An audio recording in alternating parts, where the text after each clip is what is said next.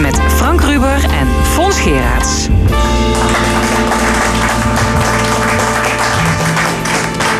Goedemorgen, welkom bij De Stemming, het interview- en discussieprogramma van L1 Radio over politiek, cultuur en samenleving.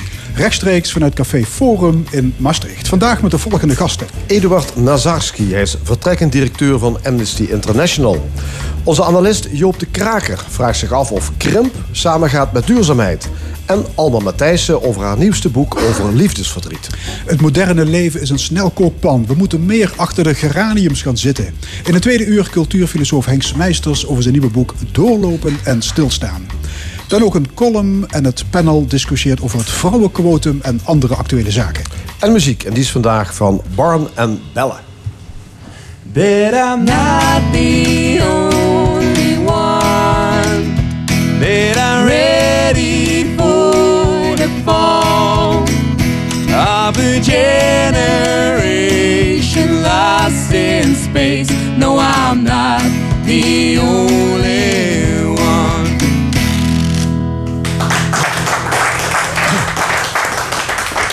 Nog een paar werkdagen en dan trekt Eduard Nazarski definitief de deuren achter zich dicht van Amnesty International Nederland. De organisatie die wereldwijd strijdt tegen de schending van mensenrechten. De directeur, geboren en getogen in Roggel, gaat met pensioen. Is het onrecht in de wereld de afgelopen jaren verbeterd? Of juist niet? Aan tafel bij ons, Eduard Nazarski. Meneer Nazarski, goedemorgen. Goedemorgen. Ja, 13 jaar directeur van Amnesty International Nederland. Ja. Wie is de grootste schurk die u ooit de hand heeft gedrukt? Oh, ehm, eh, eh, ja, schurk. Ehm, ik denk aan, aan twee mensen, een gevangenisdirecteur in Nigeria, in, eh, in Abuja, die een, een verschrikkelijke gevangenis runde. Maar misschien ook wel in Nederland, of ja, geen echte schurk, maar toch wel een heel moeilijke man. De ambassadeur van Saudi-Arabië, die echt vreselijke dingen zei. En zijn land doet dat natuurlijk ook. En luisteren die mensen überhaupt naar u? Nemen ze iets van uw boodschap mee? Nou ja, eh, dat is. ehm, je moet het wel blijven proberen en je moet ook blijven praten. Ik heb echt urenlang met de man gepraat, of hij met mij. En ehm, ik probeer niet te veel van hem mee te nemen. Maar ik wil wel laten zien dat wij lastig kunnen zijn in Nederland. En dat we de druk opvoeren. En daar hebben ze de balen van. Dus dat is goed als je dat kunt overbrengen. En dat brengt hij dan weer naar zijn regering over. Dat is Krijgt het u überhaupt een visum voor eh, ondemocratische landen? Ehm, sommigen wel, maar Saudi-Arabië niet. Maar daar zou ik ook ja, niet naartoe willen gaan. Misschien zelfs niet durven gaan. Ehm, ehm, Nigeria bijvoorbeeld heel gemakkelijk. eh, Rusland ook. eh, Turkije ook. Dinsdag is het weer eh, Internationale Dag van de Mensenrechten. Ja. Er worden in Nederland iets van 1100 schrijfacties gehouden. Ja. Wat, wat zijn dat alweer? Nou, dat, zijn, dat is e- iets waar ik echt eh, vind dat we dat ontzettend goed opgebouwd hebben de laatste vijf, zes jaar. In 1100 plaatsen worden schrijfacties gehouden voor mensen die ten onrechte vastzitten of die in de problemen zijn geraakt. Eén weten we niet van waar die is, een Egyptenaar, Ibrahim, eh, die is verdwenen, een kritisch journalist. Die is gewoon ja, weg. Maar wij, wij voeren dan actie wereldwijd voor mensen die eh, in de gevangenis zitten en die eruit moeten of die onderdrukt worden en eh, dat die onderdrukking moet stoppen. En doordat je dat wereldwijd doet en hier in Nederland op zoveel plaatsen, bereik je ook dat er heel veel aandacht voor een persoon komt en dat die regeringen dan ook denken, ja shit, van, eh, we moeten wel iets doen. Ja? Zullen al die foute regimes die denken, ach, daar heb je ze weer. Nou ja, dat zal dan wel, maar, Maar ze is dat hebben actiemiddel niet uitgewerkt bedoel ik? Nee, Moet je niet iets nee. nieuws verzinnen? Ja, het, het werkt goed. We hebben echt eh, mensen waarvoor wij die acties voerden, die zijn vrijgekomen.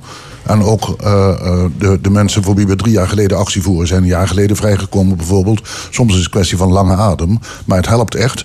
En die regeringen die zullen wel zeggen, ja, daar heb je ze weer. Of, eh, maar ze hebben er wel last van en ze hebben er ook de balen van. En dat is goed. Dus hoe meer mensen daaraan meedoen, hoe meer die druk is. En een ander ding is, die mensen die in de penarie zitten, die in de gevangenis zitten, die hebben enorme steun als veel mensen hen steunen. Familie weet dat, advocaat weet dat. En die mensen voelen zich sterker als ze weten dat veel mensen meeleven en proberen iets voor hen te doen. In hoeveel landen is Amnesty International actief? Op dit moment in 70. 70 landen. 70 landen. En hoeveel Nederlanders zijn lid? 250.000. Ja, zit er groei in of blijft dat Het blijft stabiel, ongeveer of- constant. Ja, het blijft de laatste jaren ongeveer constant. We moeten flink ons best doen om nieuwe mensen te vinden eh, voortdurend. En je hebt natuurlijk natuurlijk verloop, zodat mensen ook weer ophouden. Maar 250.000 is echt veel. En dan kun je dus ook in Nederland, ook met, met eh, regeringsfunctionarissen, met ministers, staatssecretarissen, kun je wel namens 250.000 mensen echt een stevige boodschap neerzetten. U gaat met pensioen. Ja. Eh, bent u er ook aan toe? Is het, is het mooi geweest? Eh, nee, nou, het is, het is mooi geweest. Maar eh, ja, ik heb het zelf besloten, anderhalf jaar geleden al. En het is nu een beetje vreemd. Ja, besloten, Beetje- u, u bent 66,5. U moet wel, hè? Nee, dat hoeft helemaal niet. Nee, ik kan er best kunnen blijven. Ik bedoel, het is een recht, geen plicht. Pensioen. Dus ik had, ik had nog wel wat langer door kunnen gaan. Maar we hebben in de organisatie hebben we een tijdje geleden gezegd... er moet meer doorstroming zijn. Dus om nou tegen iedereen te zeggen... jongens, meisjes, jullie moeten doorstromen... maar ik doe het zo goed, ik blijf nog een tijdje. Dat zou een beetje En gek zijn. bovendien heeft u een keer gezegd... dit werk is een permanente cursus omgaan met tegenslagen. ja. Ja, dat is ook zo. Ja. Eh, Vaak eh, probeer je dingen en, en wil je dingen aan de orde stellen... en dat, dat lukt dan niet. En daar moet je ook een beetje op instellen. Dat je het niet met één keer haal je het niet. Je moet steeds weer opnieuw doorgaan... en steeds weer opnieuw op een andere manier proberen om aandacht te krijgen... en te vragen voor onrecht. Ja, Amnesty International begon ooit als een organisatie die zich inzette voor de vrijlating van politieke gevangenen. Ja. Nu is jullie aandacht eigenlijk veel breder gericht. Hè? Ja. ja, hoe kunt u dat schetsen waar jullie je allemaal mee bezighouden? Ja, nou, ehm, het, het begon inderdaad met politieke gevangenen. Dat werkte heel goed. Er deden heel veel mensen aan mee en dat was een succes. Vervolgens zeiden eh, heel veel mensen... ja, dat is wel mooi dat je met die gevangenen dat je daarvoor zoveel inzet... maar moet je, kun je niet eigenlijk beter voorkomen dat ze in de gevangenis komen? Ja, daar is natuurlijk iets voor te zeggen. Dus toen kreeg je het recht op een eerlijk proces. En zo is geleidelijk aan het werkterrein steeds uitgebreid. En toen Amnesty, ja, eh, Fonds vroeg net van hoeveel landen... en 70 landen, ook in toenemende mate landen... in Afrika, en Azië en Latijns-Amerika. Als je daar over mensenrechten praat... heb je het ook snel over economisch, sociaal-culturele rechten. En eh, ja, als je dan zegt van ja, mensen moeten niet in de gevangenis komen... dan zeggen mensen ja, maar ze moeten ook te eten hebben... ze moeten ook gezondheidszorg hebben. Dus op die manier breidt dat werkterrein... is geleidelijk uitgebreid. Ja. Als je, stel je zou een wereldkaart maken. En je zou, de groene landen, daar gaat het goed. De rode gaat het slecht. Dus het is een beetje Ja. simpel voorgesteld Ja, misschien. Maar hoe, hoe ziet de wereld eruit? Meer rood dan groen? Meer groen dan rood? Hoe- Ik denk dat nu in meer dan 100 landen zijn, eh, is wetgeving die de vrijheid van meningsuiting, de vrijheid van vergadering, van verzameling, van demonstratie beperkt. Dus dat is, dat is echt niet goed. Dat is slecht. Meer dan 100 landen? Meer dan 100 Dus landen. dat is de helft zo ongeveer, Ja, dat is de helft. Ja. En hoe is de ontwikkeling? Eh, hoe is die wereldkaart eh Nou, in de, in de vijf laatste- jaar geleden tekende? Was die toen slechter of beter? In de, eh, ja, niet volgens Amnesty, want wij doen dat soort dingen niet, die, die vergelijkingen. Maar volgens Freedom House wordt de laatste 13 jaar is de democratie wereldwijd erop achteruit gegaan. Dus het wordt steeds stapje slechter, stapje slechter. Ja, dat is, een, dat is geen vrolijke boodschap. Nee, wa- hoe komt dat? Waar heeft dat mee te maken? hè? Nou, ja, als, als we dat wisten, dan zouden we er ook Ja. onmiddellijk iets aan doen natuurlijk. Wat wij proberen is om tegen die verdrukking en dat overal die, die repressieve, onderdrukkende wetgeving, om toch met mensen aan de slag te blijven om mensenrechten duidelijk te maken. In veel landen zie je dat mensen op zoek zijn naar een sterke leider. En die sterke leiders die zijn vaak ook repressief, autoritair. Ja, dat zijn de, de, de Bolsonaros van, eh, Ja. van, van Nou, ja. Brazilië tot Viktor Orban in eh, Hongarije. Ja, juist. Poetin. Poetin, Erdogan, Erdo- Aliyev en Azerbeidzjan. eh, hele sterke leiders die zeggen... ik weet wat goed is voor het land. En iedereen die er anders over denkt... die is ofwel een beetje dom, ofwel een klein beetje gevaarlijk... ofwel die moeten we aan de kant zetten. Ja, en dat is echt een tendens van de laatste pak een beetje tien jaar. Dat, Nou ja, wat, deze... Kijk, er is natuurlijk altijd wel vreedheid en onderdrukking geweest. Maar wat, wat anders is, is dat die autoritaire leiders nu ook vaak een democratische meerderheid hebben. Ja, Aliyev, dat is dan een beetje raar. Maar, maar eh, eh, Bolsonaro is gewoon gekozen. Ehm, Erdogan is ook gekozen. Ehm Orbán is ook gekozen. Dus die hebben een democratische meerderheid. En die zegt dan, ja, de meerderheid wil dit en dus doen we dat. En ja, dan zeggen wij van, ja, maar de rechtsstaat en minderheden beschermen. Maar zij hebben dus op een of andere manier de... de ja, de, de, een groot aantal mensen achter zich staan. En dat maakt een, een strijd tegen hen ingewikkelder of tegen, hen, tegen hun daden. Ja, en dat is bovendien ook een argument voor hun om natuurlijk eh, hun macht te legitimeren. Ze Ja. gekozen zijn, ja. Eh, een land waar mensen in elk geval wel leiders niet gekozen worden is China. Groot, machtig land. Ja. Eh, nou ja, demonstraties in Hongkong. Hè, daar Ja. zijn we allemaal getuigen van eh, via de beelden. Ehm, is, is daar überhaupt, in zo'n groot, machtig land, is daar überhaupt iets te beginnen als Amnesty? Eh, laat de Chinese overheid zich iets gelegen liggen aan jullie opvattingen? Nou, ze, ehm, aan de opvattingen denk ik wel. Eh, want ze hebben er last van. Ze willen natuurlijk een goede reputatie wereldwijd hebben. En als wij zeggen dit en dit en dit klopt niet. En dit is eh, zelfs soms echt misdadig wat ze eh, doen in sommige gevallen. Dan hebben ze daar last van. Wij mogen China niet officieel in. Dus eh wij mogen dan geen onderzoek doen. Dus we zijn dan afhankelijk van mensen die daar zitten en ons informatie geven. Of mensen die vanuit Hongkong bijvoorbeeld, familieleden, vrienden, die op die manier informatie aan ons geven.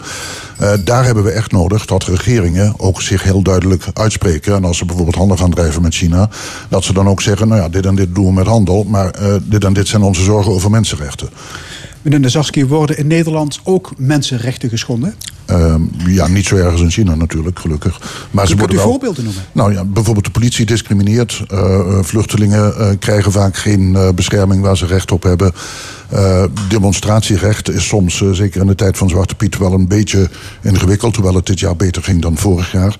Ja, dat ze, eh, en, en de overheid of de, de, de veiligheidsdiensten doen ook heel veel aan het verzamelen van informatie. Waar ze eigenlijk niet de goede waarborgen voor hebben dat die niet misbruikt worden. Dus dat, zijn- dat zijn een paar onderwerpen waar Nederland het veel beter zou kunnen doen. U vindt het ook onacceptabel dat Nederlandse pensioenfondsen beleggen in bedrijven die wapens produceren. Ja. Het gaat om bedrijven die wapensystemen leveren aan landen die op grote schaal mensenrechten schenden, zoals Saudi-Arabië en Pakistan. Wat, wat is het probleem precies? Nou, het probleem is bijvoorbeeld als je als, je als pensioenfonds eh, investeert in, in, eh, of eh, belegt in, in wapenbedrijven die wapens verkopen aan Saudi-Arabië. En Saudi-Arabië gaat daar in Jemen burgers mee vermoorden in feite. Ja, dan heb je toch wel een probleem. Dus eh, dat zouden ze niet moeten doen. En ze zouden dan met die bedrijven moeten praten dat ze die wapens niet moeten leveren. Dat is ook volgens internationaal recht is dat zo. Maar ja, dan is vaak is de handel is, eh, toch belangrijker dan, dan het principe. het gaat een bedrag van 1 miljard euro Ja. in totaal. Onder andere Ja. het ABP maakt zich daar schuldig aan. Maar er was 12 jaar geleden ook al ophef over. En kennelijk doen ze dat nog steeds. Ja, maar er zijn ook pensioenfondsen die het veel minder doen. Bijvoorbeeld het pensioenfonds Zorg en Welzijn. Die hebben gezegd, nou we gaan er toch aan werken. En ik snap ook wel als je eh, eh, honderden miljarden belegt... dat je niet van de een op de andere dag kunt zeggen van... nou we gaan het nu heel anders doen. Want je moet natuurlijk ook die pensioenen blijven uitkeren. Eh, Ja, maar nee, precies. Want er is de- wel... de meeste pen- pensioenfondsen zitten op zwart zaad. De, de dekkingsgraad die moet omhoog. Ja, en dan ga je beleggen in winstgevende bedrijven. Onder andere in die, in die Ja, maar toch, toch niet in bedrijven die daar, die daar dat soort dingen mee doen, lijkt mij. Tenminste, ik zou niet willen dat mijn pensioen daarvan eh, eh, betaald wordt. Ja, Gebruik een En- ethisch besef. Nou, ethisch besef of aan, ja, nou ja, eigenlijk wel. En aan, praktisch kan het natuurlijk om te zeggen, we gaan daarmee opbouwen, we gaan dat afbouwen. Ik bedoel, het hoeft niet eh, overnight, het hoeft niet, niet van het een op het andere moment. Maar dat ze het anders gaan doen. En vooral ook dat ze met die pensioenfondsen, dat ze praten met die bedrijven. Om een, ja, wij willen ermee opbouwen, tenzij jullie eh, anders gaan eh, eh, verkopen. Dat lijkt me toch een hele goede stap. Ja, het ABP is al gestopt met beleggen in tabak en kernwapens. Dus, Ja, dus dan is, ja, nou ja, tabak is natuurlijk ook zo'n voorbeeld. Ja, is dan wel niet direct amnesty, maar waar je tien jaar geleden ook van dacht, nou dat gaat niet gebeuren, maar uiteindelijk gebeurt het toch. Jullie zijn ook pissig op Ajax. Omdat de club volgende maand gaat spelen in Qatar. Waar in 2022 het WK wordt gehouden. Ajax gaat daar een stadion en een luxe hotel Ja. uittesten voor een hoop geld. Ja. Wat is uw probleem? Nou, nou, we zijn niet altijd pissig over op iedereen. Maar ehm, ja, nou ja, Ajax gaat naar Qatar inderdaad. Daar worden in die stadions die zijn gebouwd met, ja, in feite met dwangarbeid, met slavenarbeid zelfs zou je kunnen zeggen. Mensen die daar kwamen vanuit andere landen moeten een paspoort inleveren, krijgen een hongerloon, krijgen geen fatsoenlijke gezondheidszorg. Als er ongelukken zijn omdat de veiligheid op de werkvloer ook te weinig is, dan krijgen ze heel slechte medische behandeling. Eh, ze mogen niet terug. Dus en Qatar probeert daarmee internationaal, niet, niet met die uitbuiting, maar probeert met die stadions en met het WK een goede sier te maken. En als Ajax dan zegt, we kunnen ja, een mooi trainingskamp, we kunnen ook nog een hoop geld opstrijken.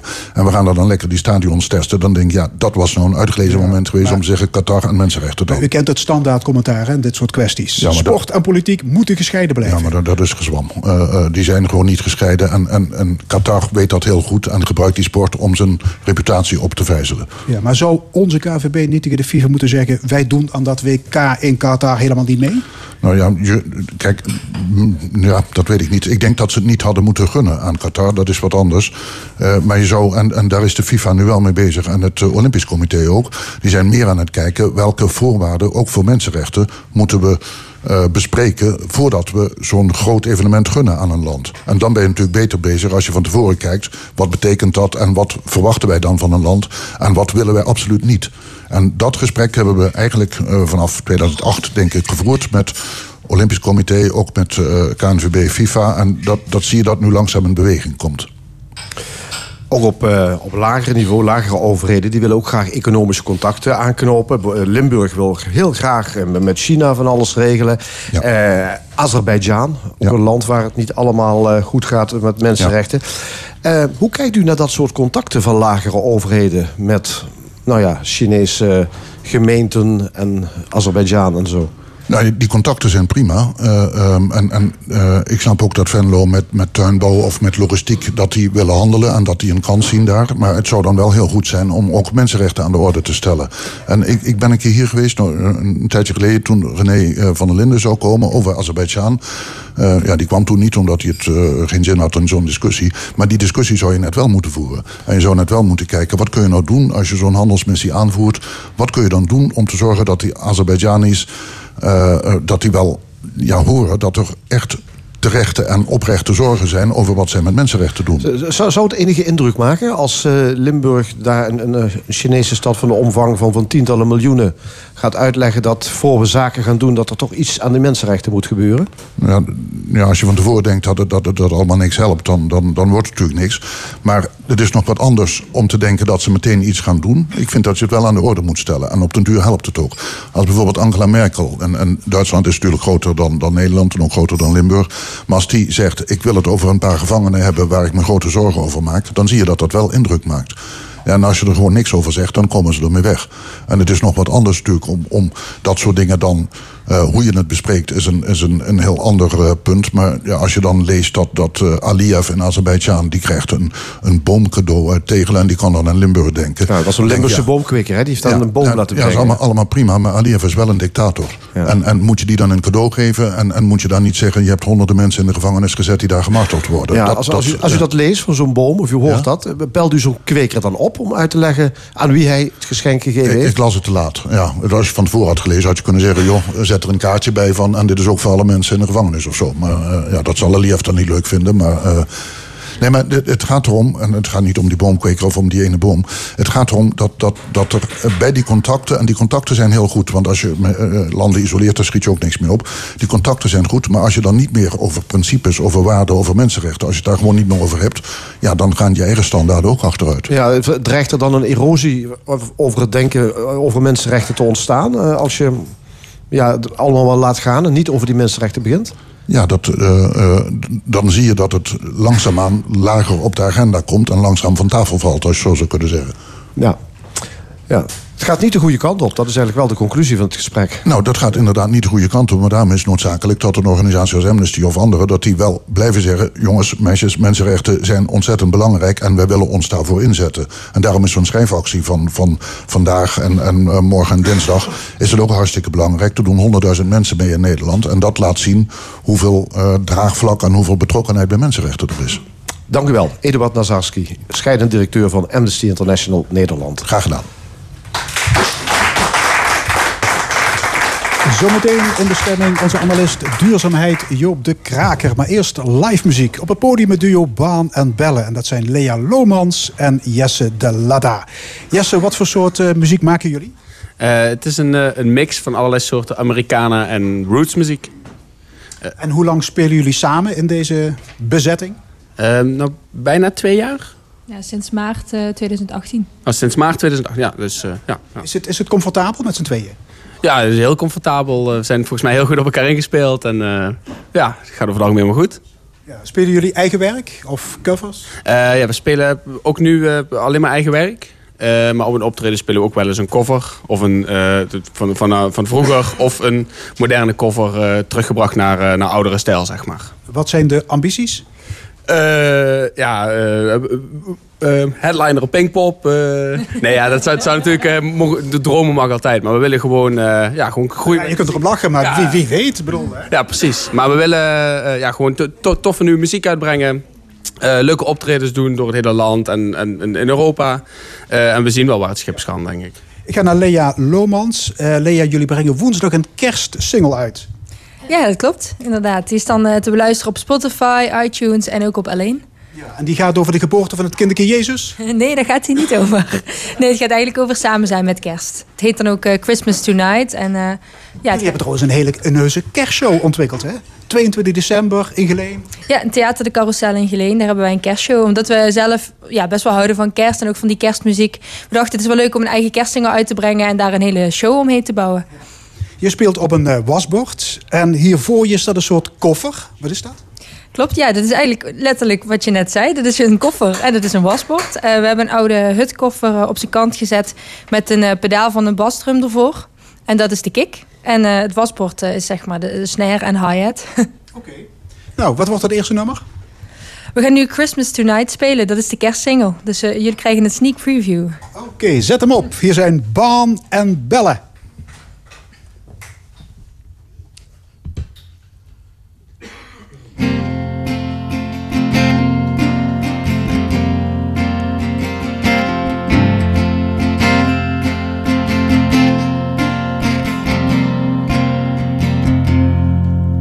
It's cold outside.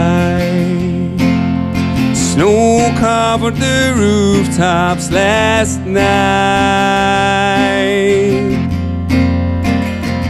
And as the clouds fade away, the moon guides my way back home for Christmas tonight.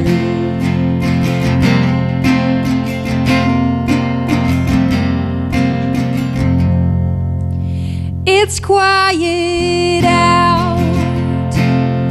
Apart from the wind, there's no sound. While I'm walking through this powder, the crunch is getting louder. Must mean it's Christmas tonight. I can smell the fire and picture the presents in my mind. And the most beautiful tree that you've ever seen. I can't wait for Christmas tonight. Cause you'll be there, I know. I should have come back long ago. And as the fire warms my soul, I'll meet you under the mistletoe.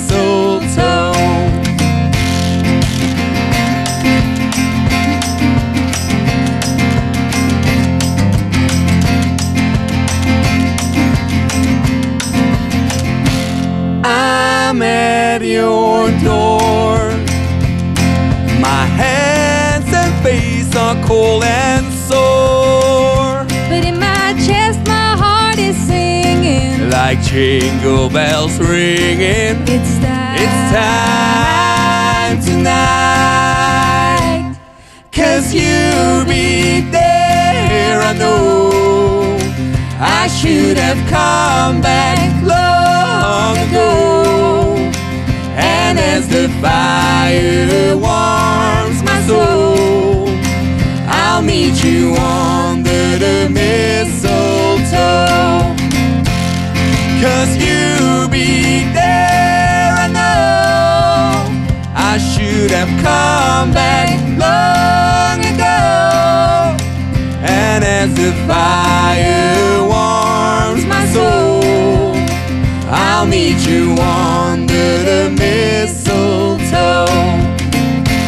Meet you under the mistletoe.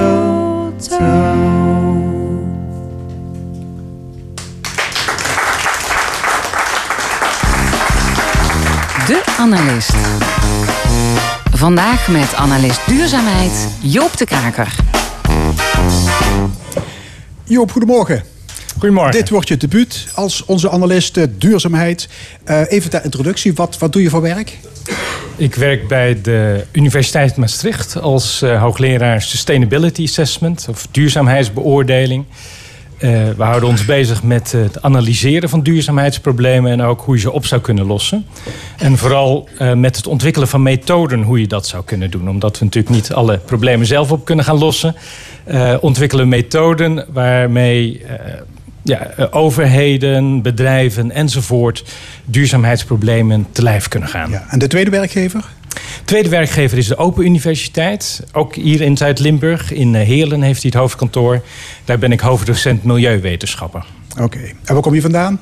Ik kom zelf oorspronkelijk uit Zeeuw-Vlaanderen.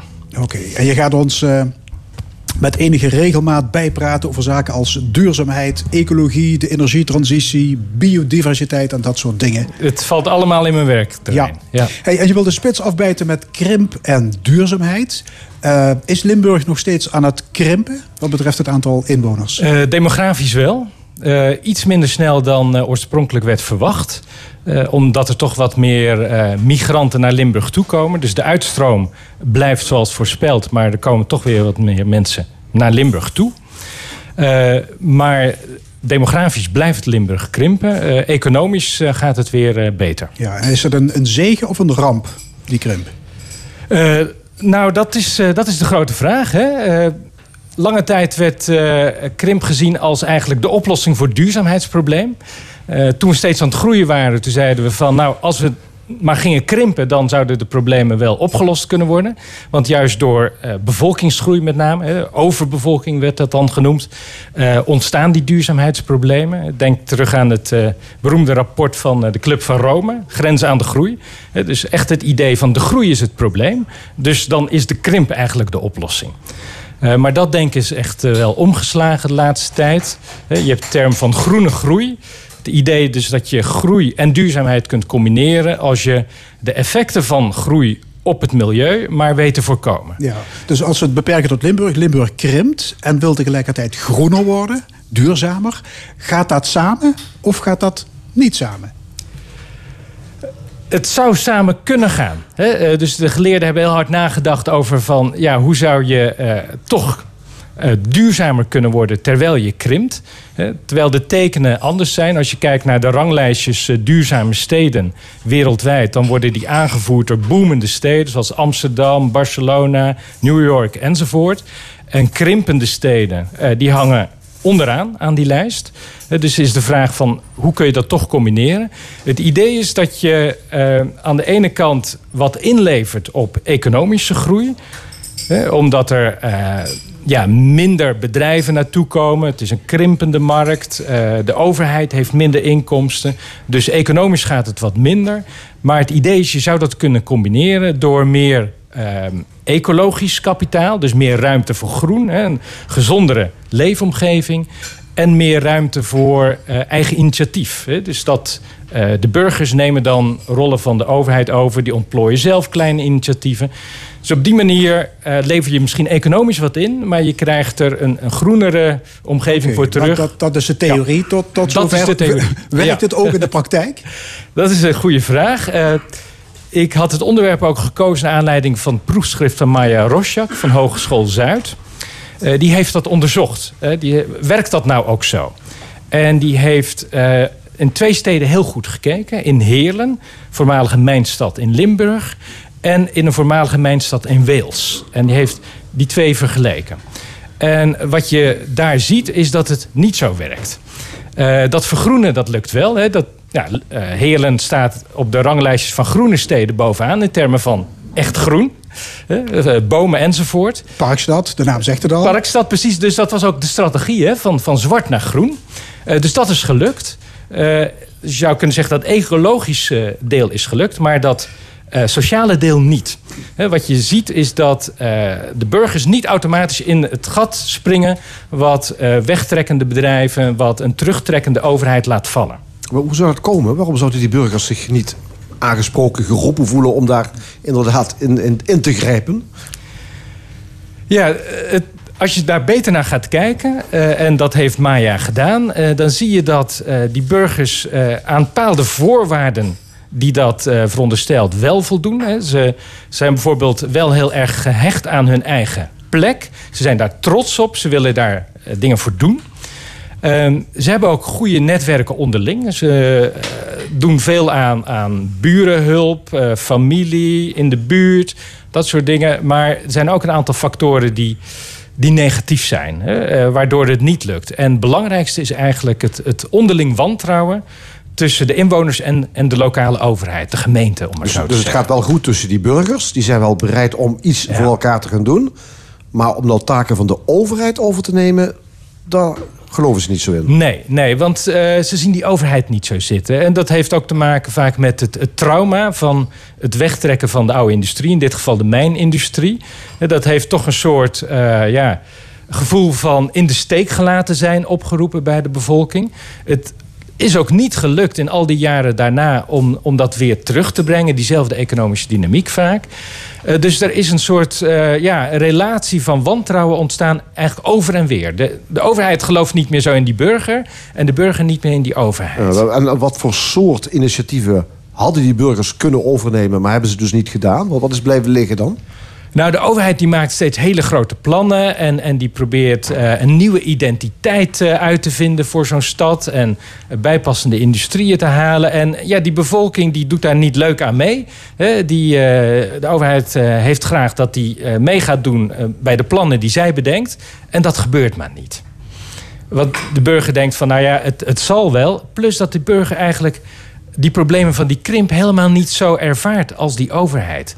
De overheid die kijkt vooruit, die ziet allerlei dingen in de toekomst gebeuren. Denkt van, nou, daar moeten we nu al op inspelen. Maar de burger ervaart die problemen nog niet. Dus die voelt zich ook niet zo geroepen om in actie te komen. Ja, wat, wat, heb je een voorbeeld van zo'n zo'n probleem? Wat dus blijft hangen, blijft liggen?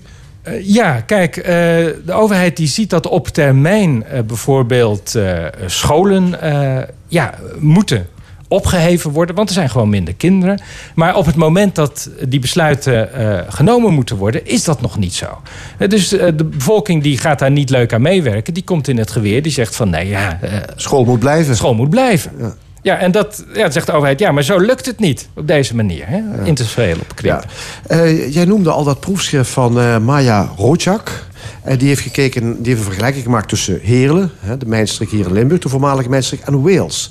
Zie je opmerkelijke verschillen in hoe men in Wales en in Heerlen aankijkt tegen krimpproblemen in relatie tot duurzaamheid? Nou, ze zag vooral ook overeenkomsten. Met name dat, uh, ja, dat lage vertrouwen in de overheid. Uh, die lage activiteit in, in officiële organisatieverbanden, zoals politieke partijen. Uh, maar ze zag ook verschillen. En dat heeft vooral te maken met, met de geschiedenis. Uh, in Wales uh, waren die mijnsteden waren, uh, heel socialistisch. Hè. Daar had de vakbeweging had daar heel stevig voet aan de grond. socialistische vakbeweging. En in Heerlen is dat eigenlijk voorkomen door een heel prominente rol van de katholieke kerk. Hè. Die katholieke kerk heeft zich eigenlijk daar opgeworpen als, als hoeder en belangenbehartiger. Um, ook van, van de mijnwerkers. Um, waardoor je nu verschillen ziet. Je ziet dat nu de bevolking in Heerlen veel afwachtender is, veel passiever. Die vindt, ja, ja de overheid die moet dat eigenlijk voor ons regelen. dat zijn we eigenlijk ook zo gewend. Um, terwijl in, uh, in Wales uh, ja, zijn ze veel activistischer. Uh, hebben ze dat vakbondsverleden. Dus zijn ze meer geneigd ja, zelf in actie te komen. Dat, dat is een belangrijk verschil. Ja, nou, om het niet ja. in minuur te laten eindigen... heb je misschien ja. wel een mooi voorbeeld in Heerlen wat wel gelukt is, of wat misschien dreigt te gaan lukken, een soort initiatief? Ja, nou het, het mooie is dat uh, die analyse van Maya van uh, ja, op welke punten gaat het nu wel goed, maar op welke punten gaat het niet goed. Uh, dat dat de basis geweest is van een project, Gebroken Bos heet dat. Dat speelt in Gebroken, Hoensbroek, Heerlen Noord noemen we dat tegenwoordig. Uh, dat is een, echt een krimpgebied. Uh, er zijn veel gaten gevallen, veel lege plekken, gesloopte gebouwen, noem maar op. En uh, daar zie je dus dat mensen, ja, die zijn gehecht aan hun leefomgeving. En daar komt de krimp ook dichtbij. Daar voelen ze het. En daar zien ze dingen gebeuren waar ze niet blij mee zijn. En daar is actiebereidheid. Maar aan de andere kant was daar die kloof met, met de overheid. En wat ze daar gedaan hebben, is... Uh, ze hebben iemand aangesteld, dat noemen ze een broker. Uh, en dat is een soort bemiddelaar tussen de buurt en de gemeente. Die, die loopt rond, die gaat met mensen koffie drinken... die, die luistert heel goed naar wat uh, gezegd wordt... En die hoort mensen daar klagen, maar ook plannen maken, alternatieven bedenken. En die legt de verbinding met de gemeente. En aan de kant van de gemeente hebben ze nou gezegd van nou, we moeten die initiatieven niet gaan smoren in, in de gangbare bureaucratie. Uh, we moeten die mensen daar helemaal vrij van houden. We benoemen iemand uh, bij de gemeente die adopteert zo'n initiatief. En die helpt dat verder. Door alle loketten heen. Totdat het initiatief echt van de grond komt en tot bloei komt. Dat aan de ene kant, dus die, die kloof wordt onder overbrugd. En aan de andere kant uh, werken ze heel hard aan eh, de mensen ook, ook ja, capaciteiten laten ontwikkelen. Van hoe vraag je nou subsidie aan? Hoe ga je om met zo'n overheid? Hoe betrek ik vrijwilligers erbij? Hoe betrek ik de buurt erbij? Oké, lichtpuntje toch. Zeker. Ja. Dankjewel, Joop de Kraker. Dankjewel. U luistert naar de stemming van L1, het rechtstreeks van het café Forum in Maastricht. Zometeen schrijfster Alma Matthijssen over haar nieuwe novelle. Maar eerst het popduo Baan en Bellen. Dit is het nummer Not the Only One.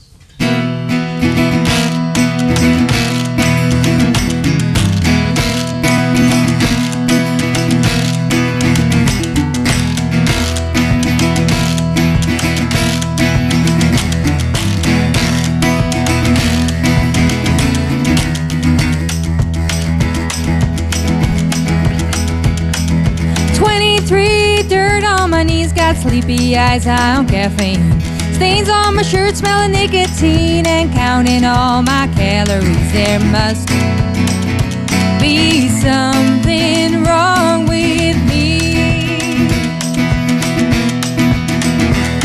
But when I look around, I can clearly see that I'm not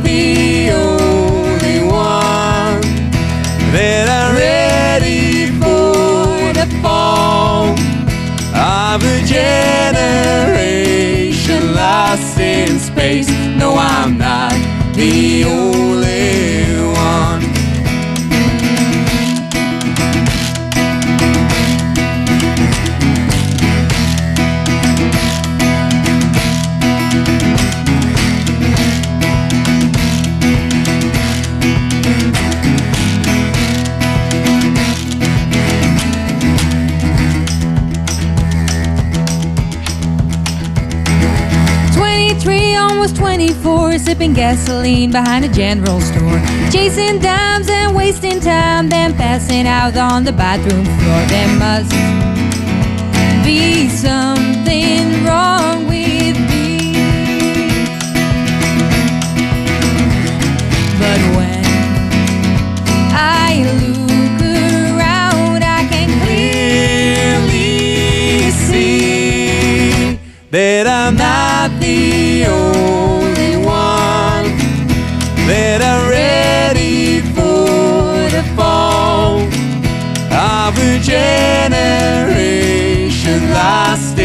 space. No, I'm not the only one that I'm not the only one that I'm ready for the fall of a generation lost in space. No, I'm not the only one.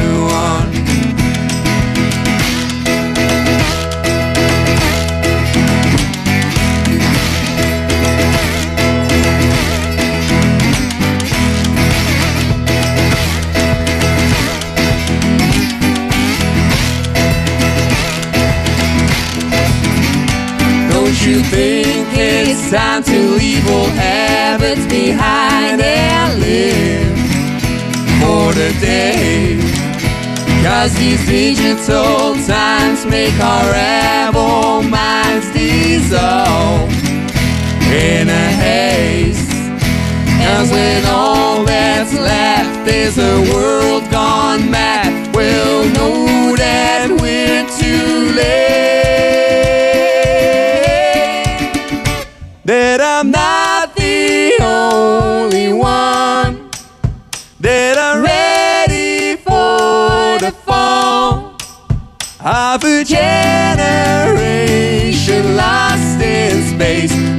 I'm not the only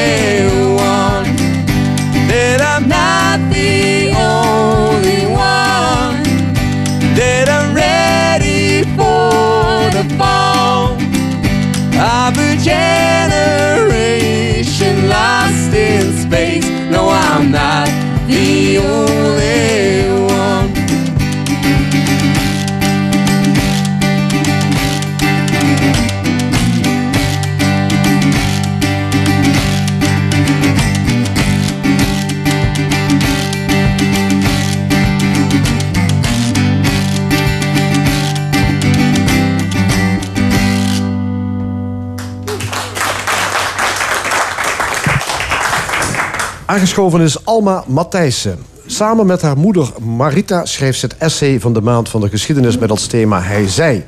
En onlangs verscheen haar nieuwe boek, de novelle Ik wil geen hond zijn. Over de pijn van liefdesverdriet en hoe je dat gevoel als een zware steen met je meezeult. Bij ons Alma Matthijssen. Alma, goedemorgen. Goedemorgen. Ik las ergens dat je dat liefdesverdriet zelf hebt meegemaakt.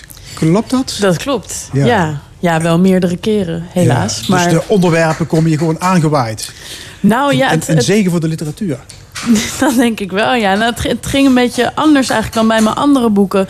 Ehm, hier werd ik echt gevraagd. Dus het was eigenlijk een, een, een boek in opdracht zo ongeveer. De Bezige Bij die bestaat dit jaar 75 jaar. En zij vroegen of ik een novelle wilde schrijven. En toen was het net denk ik twee maanden uit bij mij. En toen zei ik dat wil ik wel doen. Maar ja, dan gaat het wel over liefdesverdriet. Ja. Want daar zit ik vol van. Ja. ja, de hoofdpersoon is helemaal van de kaart. Ja, Dus liefdesverdriet kan heftige vormen aannemen. Zeker. Slapeloosheid, huilbuien, zelfmoordneigingen, veel Netflix kijken. Niet eten. En niet eten. Zelfs Ja. een banaan is al een onmogelijke op opgave. Ja, ja. ja dat, het, het is iets wat aan zoveel dingen. eh, het, is, het is ontzettend heftig liefdesverdriet. En dat vergeten we volgens mij nog wel eens. Het is gewoon rauw. Het is, eh, ja, iemand verdwijnt uit je leven. En eh, ik heb natuurlijk zelf mijn vader verloren toen ik jong was. En er zijn toch grote gelijkenissen met als er iemand plotseling uit je leven verdwijnt. Of, of, of ja, het, lijkt ergens misschien ook wel een beetje op de dood. En die, die overeenkomst, ja, die wilde ik ook wel een beetje onderzoeken met dit boek. Ja. Maar het verschil is dat rond de dood van alles geregeld is. Ja. Maar rond de liefdesverdriet helemaal niks. Liefdesverdriet is niemands land, zeg je. Ja. Er zijn geen regels, er zijn geen rituelen, er is geen houvast. Precies, dat merkte ik ook heel erg bij mezelf. En dat heeft het hoofdpersonage ook. Dat ze zo snakt naar een ritueel. Naar iets van, ja, of zou er maar een bureau bestaan of zo. Waar je heen kan gaan en kan zeggen, oh, ik, Ja, je ik- kan naar de therapeut. Je kan naar de therapeut, inderdaad. Maar dat, ja, daar wordt dan ook een beetje vreemd naar gekeken. Soms als je, dan, als je dat dan daadwerkelijk zou proberen... ja, het is liefdesverdriet, je moet gewoon dat eruit huilen. En dat heeft geen zin om dan met een therapeut te gaan praten. Wordt wel eens gezegd, ben ik helemaal om mee oneens natuurlijk.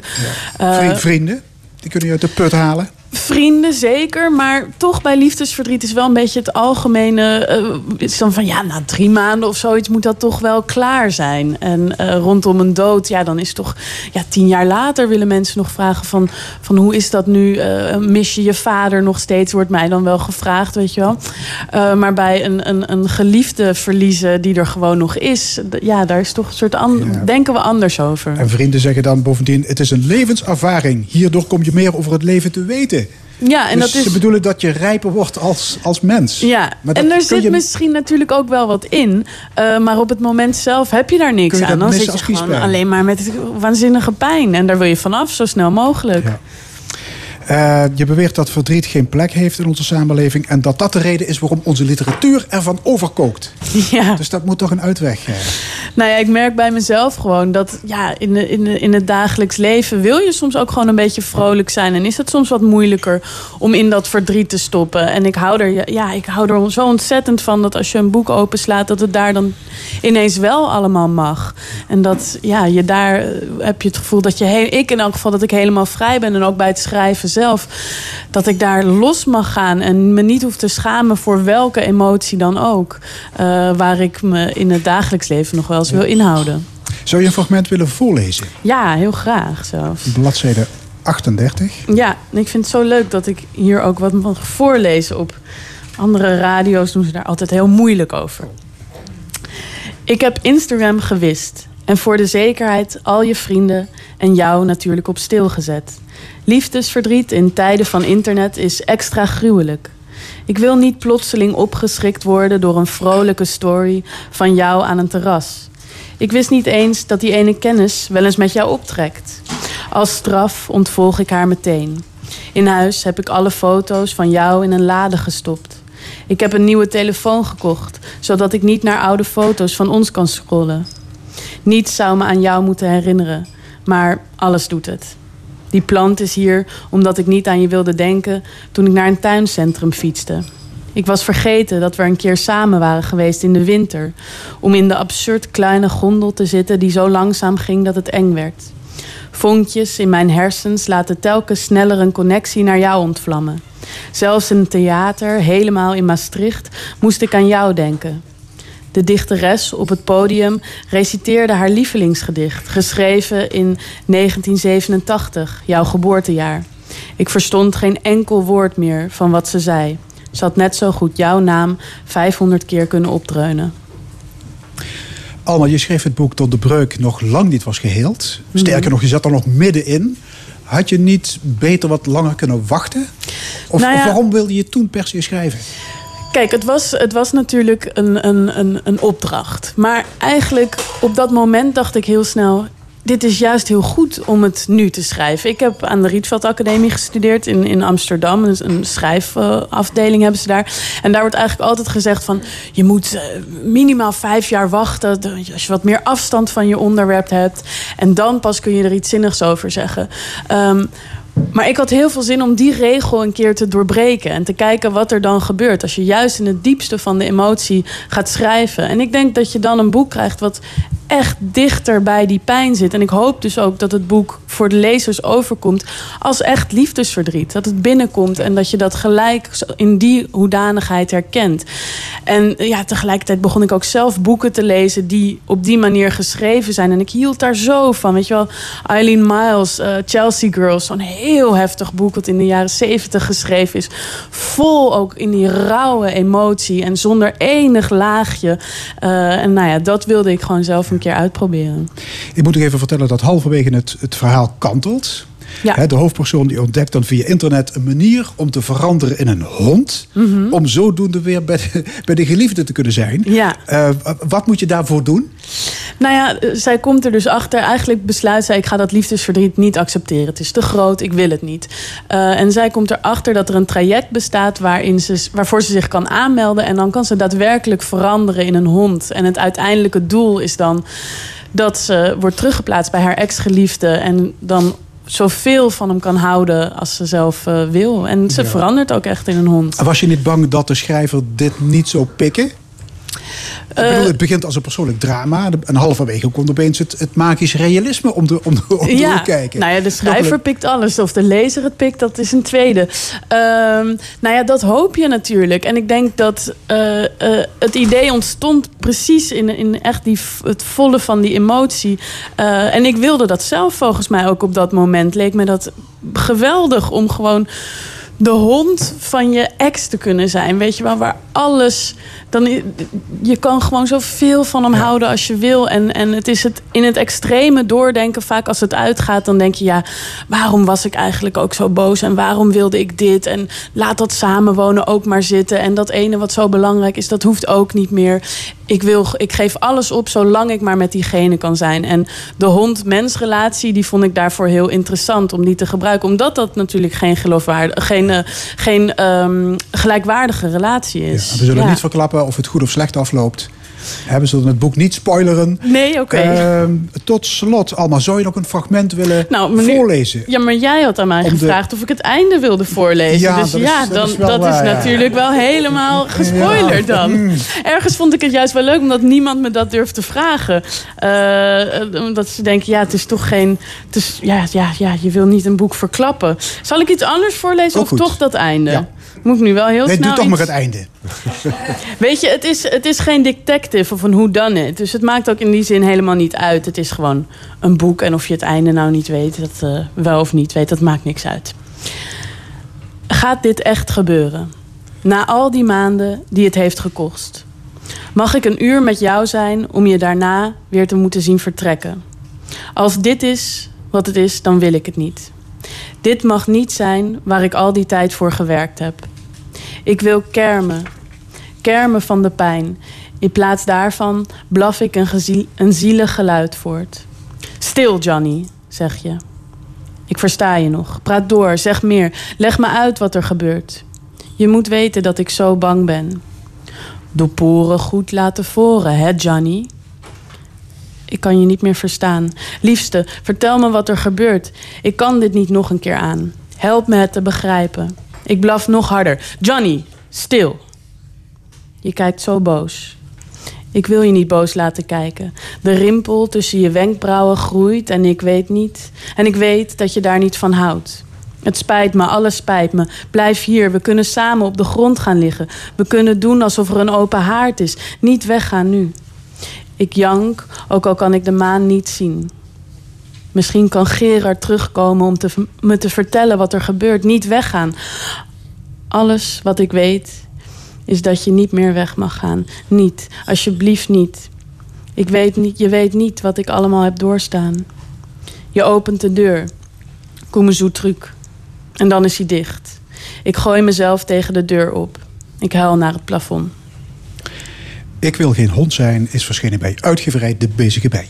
Ja. Samen met je moeder schreef jij, eh, Alma, het eh, essay Niet schrikken, mama. En dat verscheen in de maand van de geschiedenis. Dat was een correspondentie tussen jou en je moeder Marita. Ja. En dat begon nogal heftig. Ehm, eerste, eh, eerste bladzijde. Ik wil een jongen zijn, geen vrouw. En al helemaal geen meisje. En dan ga je eigenlijk helemaal los. Ja. Ga je de voordelen beschrijven van eh, een jongen. Hè? Ja. Die eigenlijk nergens bang voor hoeft te zijn. eh, die veel bravoure heeft. Jongens durven alles, mogen alles, kunnen alles. In tegenstelling tot meisjes. Je dacht, laat ik mijn moeder maar eens goed door elkaar schudden. Ja, dat, is, ik, ja, dat doe ik wel vaker. Het zit volgens mij ook in mijn, in mijn karakter. Ik hou van dat gestrekte been. Eh, en, en, en, en nou ja, het zijn natuurlijk ook dingen die mij echt aangaan. Die, eh, eh, jongens hebben veel meer kansen in, in nog steeds. Ik bedoel, er is ook ontzettend veel veranderd. Maar het is nog steeds ook best lastig om een vrouw te zijn. Ja, Ja. dus dat wilde ik, wilde ik aankaarten. En kijken ook een beetje hoe mijn moeder daar dan weer op reageert. Ja, dat was ook in de maand van de geschiedenis. En eh, jouw moeder ehm, ja, gaat jou eigenlijk college geven in dat boekje. hè? Gaat Ja. je uitleggen hoe eh, de positie van de vrouw veranderd is. Hoe ze daar zelf een rol in heeft gespeeld. Zij Precies. studeerde in Amsterdam in de jaren 60. Ja. Maar ze, ze, ze zag het allemaal, maar ze stond ook een beetje aan de kant. Hè? Ze was niet eh, volop feministisch aangehoogd daar. Nee, al denk ik zelf dat ze eigenlijk veel feministischer is dan zij denkt. Ze is, ja, ze is de eerste vrouw uit haar dorp. Ze is opgegroeid in, in Belveld bij eh, Roermond. En ze was de eerste vrouw in dat dorp die ging studeren. Ja, dus en naar Amsterdam Ze wilde. maakt haar rol eigenlijk wat kleiner dan het is. Vind ik wel. Ja, zij kijkt heel erg op tegen de feministen van toen. En eh, eh, ja, vindt dan dat ze niet, omdat ze niet heeft meegedaan aan die demonstraties, dat Ja. ze dat dan niet is. En ze wil zich dus ook geen feminist noemen. En daar schrok ik eerlijk gezegd van. Dat wist ik ook helemaal niet. Ik had Ja, altijd was je gewoon een beetje gedacht. teleurgesteld? Ja, ook wel teleurgesteld enigszins. En ehm, eh, ik heb heel erg mijn best gedaan. Ook in de hele maand. We hebben ermee getoerd en zo. Omdat, Het ligt nog steeds in de boekhandel, dus ik dacht eh, toch leuk om het nog even te benoemen. Ja. Eh, Alma en Marita Matthijssen, niet schrikken mama. Leuk. Dankjewel, Alma Matthijssen. Straks in de stemming cultuurfilosoof Henk Meisters. Verder het discussiepanel, de column, muziek van Baan en Bellen en nog veel meer. Blijf luisteren tot zometeen na nieuws en reclame van 12 uur.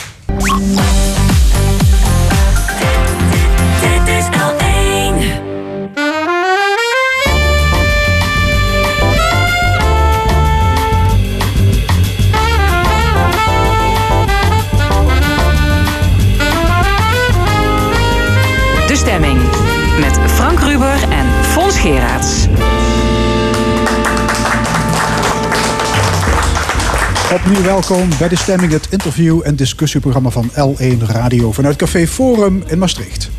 Wat nog allemaal in dit tweede en laatste uur. Even na half één discussieert het panel met Charlotte van Dijk, Joost Reinaars en Erik Koppen over de kerstblokkade van de boeren en andere actuele zaken.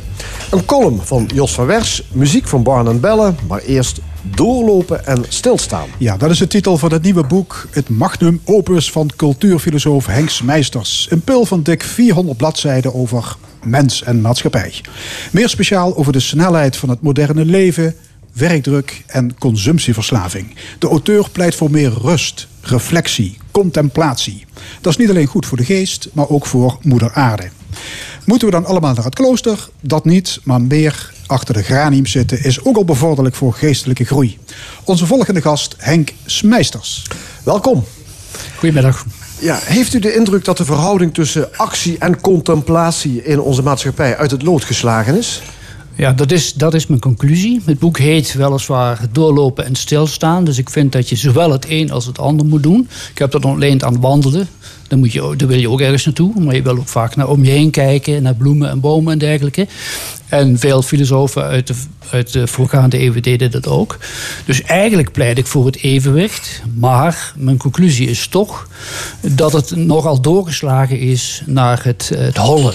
Ja. Dat is nog erger dan doorlopen. Ja, u beschrijft eh, dat we inderdaad doorgeslagen zijn. We hebben het steeds drukker. Ehm, waar, waar komt dat door? Waarom hebben wij het drukker? Ja, er zijn een aantal factoren voor. Natuurlijk heeft het te maken met, met uh, neoliberalisering in de economie. Dat is één belangrijk uh, aspect. Het heeft ook met de mens zelf te maken. Uh, de mens wendt aan versnelling.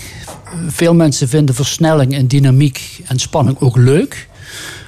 Uh, objectief zie je wel dat er een duidelijke verandering is. Want we leven nu veel sneller dan vroeger. We praten sneller. Is dat zo? Want uh, volgens mij eeuwen geleden, geleden klaagden mensen ook al over toegenomen drukte. Ja, Daar is wel eens over, hè? Ja, dat is juist het punt. Dat gebeurde ook toen de eerste trein door het landschap uh, voer. Toen vonden ze ook een trein voor 30 kilometer. Goh, dat is wel snel. Ja. Nou, Max Verstappen gaat met 300 door de bochten. Ja, dus misschien is het wel heel subjectief. Dat is inderdaad het idee dat je zou kunnen hebben. Maar je moet niet vergeten dat tegelijkertijd natuurlijk naast het subjectieve, en dat is ook persoonlijk, er ook toch een objectieve toename van die snelheid is. We produceren sneller, we consumeren sneller, we praten sneller, we lopen sneller. We handelen sneller projecten af. Er komen daardoor steeds meer projecten bij. Het interessante is dat er een soort versnellingsparadox ontstaat. Als we dingen sneller kunnen doen, zou je denken, houden we tijd over andere dingen. Maar dat is niet zo. Want we gaan die vrijgekomen tijd gaan we ook weer volproppen met allerhande projecten en activiteiten, vrije tijdactiviteiten, zodat het gewoon druk blijft. Ja. Is het een probleem? Maakt het ons oppervlakkiger dat we drukker leven? Ja, ik denk wel. Maar dit is natuurlijk, omdat ik zei, een subjectieve aangelegenheid. Maar als je ziet dat mensen geen tijd meer hebben... of geen tijd meer nemen om de krant te lezen... of, of een boek te lezen. We leven in een beeldcultuur, dat gaat veel sneller. Internet, met, met, met, met, en, de, en de, de tweets, de Twitterberichten en dergelijke allemaal. Het gaat allemaal heel snel. Dus ik denk wel dat het ook ons oppervlakkig gemaakt. Er zijn er ook al boeken geschreven uh, van Baricio dat dat allemaal geen probleem is. En dat we gewoon oppervlakkige mensen worden. En dat dat ook een bepaalde diepte heeft. Maar je ziet toch ook veel mensen lijden aan depressie, veel mensen lijden aan stress. Er is veel burn-out. En veel mensen, ook zelfs de mensen die versnelling toejuichen, die hebben toch last van concentratieproblemen. En nou ja, je ziet het nu ook weer, weer bij de PISA-studie. Als jongeren van 15 jaar 50% zeggen dat ze lezen niet leuk vinden, dan hebben we toch wel een probleem met elkaar. Ja. En bij volwassenen. Nou ja, niet leuk vinden. Ik wacht, kan, niet eens fatsoenlijk lezen? Ja, die kunnen dus de stukken van de overheid niet meer lezen. Dat levert al uh, gigantisch grote problemen op straks als we er niks aan doen. Ja. Um, u schrijft dat het niet alleen is dat wij sneller leven, hè, dat, we inderdaad, uh, dat er steeds meer bij komt, maar ook dat er een steeds hevigere concurrentie is tussen mensen. Ja, ik, in het eerste deel, ik heb drie delen in het boek, waarbij ik in het eerste deel vooral de hedendaagse maatschappij analyseer. Dan op zoek ga naar het evenwicht en uiteindelijk met wat voorstellen komen hoe het anders zou kunnen. In dat eerste deel heb ik geprobeerd een aantal mythes te ontrafelen, te ontmaskeren. Zoals dat versnelling leuk en goed is. Dat is wel zo, maar het heeft ook een andere kant. En ook de concurrentie. Ja. Kijk, Terwijl uh, concurrentie, dat we steeds meer concurrentie hebben, wordt eigenlijk uh, steeds uh, wordt vaak gezien als een, een groot voordeel. Ja. He, kijk naar allerlei uh, mogelijkheden die we hebben waar we uit kunnen kiezen tegenwoordig. zowel de politiek als het bedrijfsleven zegt ja. dat is heel ja. goed. Daar word jij veel gelukkiger van. Dat is ook de gangbare gedachte. Maar ik, ik heb in het boek ook gesproken over competitieve vermoeidheid. Een interessant onderzoek is gedaan waarbij mensen die 100.000 euro of dollars, dat weet ik nog niet meer precies, verdienen. Uh, dan zou je denken, is toch een aardig bedrag, daar kun je goed van leven. Als die mensen in een bedrijf werken waar ieder ander minder verdient, zijn ze dolgelukkig. Zet ze met hetzelfde salaris in een bedrijf waar mensen meer verdienen, worden ze opeens ongelukkig. Is dus de, de, de eigenlijke waarde van die 100.000, daar ging het dus niet om. Het gaat om de sociale vergelijking. En de sociale vergelijking is een afgeleide van een concurrentie. Ook als je je werk doet en voortdurend moet concurreren, moet uitkijken of iemand een slag voor is, of je net voorbij is of net iets beter gaat doen, dat schept een bepaalde onrust. Dus die concurrentie ook heeft weer te maken met die versnelling. Want je moet voortdurend op je hoede zijn. Je kunt geen, bij wijze van spreken geen collega meer vertrouwen, want die kan, eh, kan je rechts passeren. Ja, maar word je er niet beter van, omdat je de indruk hebt dat jij kan winnen? Ja, maar er zijn ook altijd verliezers. Het nadeel van het winnen is dat er heel veel verliezers zijn. Dat hebben we ook bij de globalisering. Mensen die afhaken, mensen die niet mee willen doen of mensen die niet mee kunnen doen. Dat is ook een groot risico dat we met elkaar, aangaan. Sterke mensen, eh, ja, neem, neem, om de naam dan toch vandaag maar te laten vallen, neem Donald Trump. Een heel krachtig iemand met veel geld die eigenlijk kan doen en laten wat hij wil. En eh, gek genoeg ook nog hele mensen die het veel minder gaat met zich meetrekt. Maar als je de kracht en de financiën hebt om overal te winnen. Die discussie speelt ook bij de gele hesjes met, met, de- met de klimaataanpassingen. Pak je de mensen die het minst geld hebben, en die eigenlijk dat niet kunnen. Of pak je de mensen met de sterkste schouders. Dat is ook al een, lange, eh, een, een, een lang verhaal. De st- sterkste schouders moeten de grootste lasten dragen. Maar het nadeel van concurreren is altijd... er zijn verliezers. In de voetbalsport en ook bij Max is dat allemaal leuk en aardig. Alhoewel er ook veel geld een rol speelt. Daar is het ook niet meer maar een spel. In de voetbalsport, Michel zei al, voetbal is oorlog. Nou, dat is eigenlijk al een, om, een omkering van waar het om ging. Want het zou toch leuk zijn, maar het is niet altijd leuk meer. En dat komt door de concurrentie. Ja, u, schrijft in het boek eh, mensen die constante keuzes moeten maken eh, uit consumptieartikelen bijvoorbeeld, die zijn een gevaar voor zichzelf, maar ook voor de aarde. Ja. Hoe bedoelt u dat? Nou, dat heeft te maken met die overmatige consumptie die we hebben. Ik zal een ander voorbeeld geven. 100 jaar geleden toen zaten de producenten van gloei- gloeilampen bij elkaar. En die besloten dat de branduren verlaagd moesten worden. Omdat ze dan meer lampen konden verkopen. Dat is echt slechter, slechtere producten verkopen. Ja, verkopen meer. ja, in elk geval minder branduren. Dat is echt gebeurd. En wij denken nu vanuit het idee van duurzaamheid... van, hé, hey, het is toch fijn dat die lamp eh, twee jaar langer meegaat. Nou, vertaal dat nu naar ons consumptieproces. Die gloeilampen, nou, die hebben we al bijna niet meer. Eh, LED-lampen hebben we nu. Maar mode, verschijnsel als mode... en een verschijnsel als innovatie... is eigenlijk, ja, Schumpeter, de econoom, zei creatief destructief. Dat wil zeggen, het is, het is nog niet uit of je moet al iets nieuws kopen. En dat is voor de aarde zeer slecht. We kunnen best langer door met een broek of een trui of een kast of wat dan ook. Maar we worden door de reclame. En het probleem is, we willen dat zelf ook. Zo zijn we nu eenmaal. We genieten van de welvaart. Maar we willen heel graag telkens iets nieuws hebben. Ja.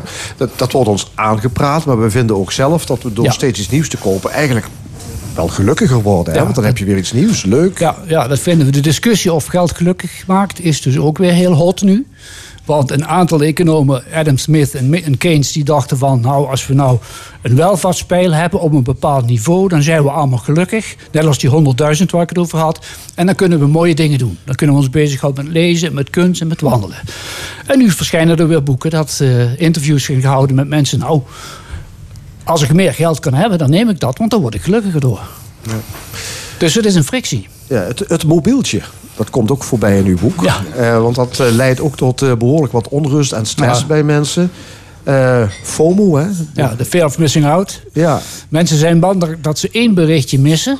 Het, wat veel mensen niet weten, maar wat wel vaak opgeschreven is... dat de gokhallen in Las Vegas, die zijn zo gemaakt... dat je aan dat ding blijft zitten, omdat je af en toe beloond wordt. Neurologen zeggen dan, dat komt door het beloningscentrum in de hersenen. Daar krijg je een kick van.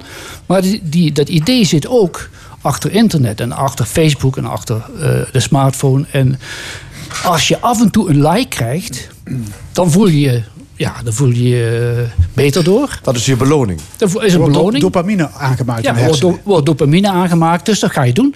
En dan zie je mensen eh, aan een, in een restaurant aan tafel zitten met dat apparaat naast zich. En dan zitten voortdurend te kijken of er misschien een berichtje binnenkomt of een like, waardoor zij een kick krijgen.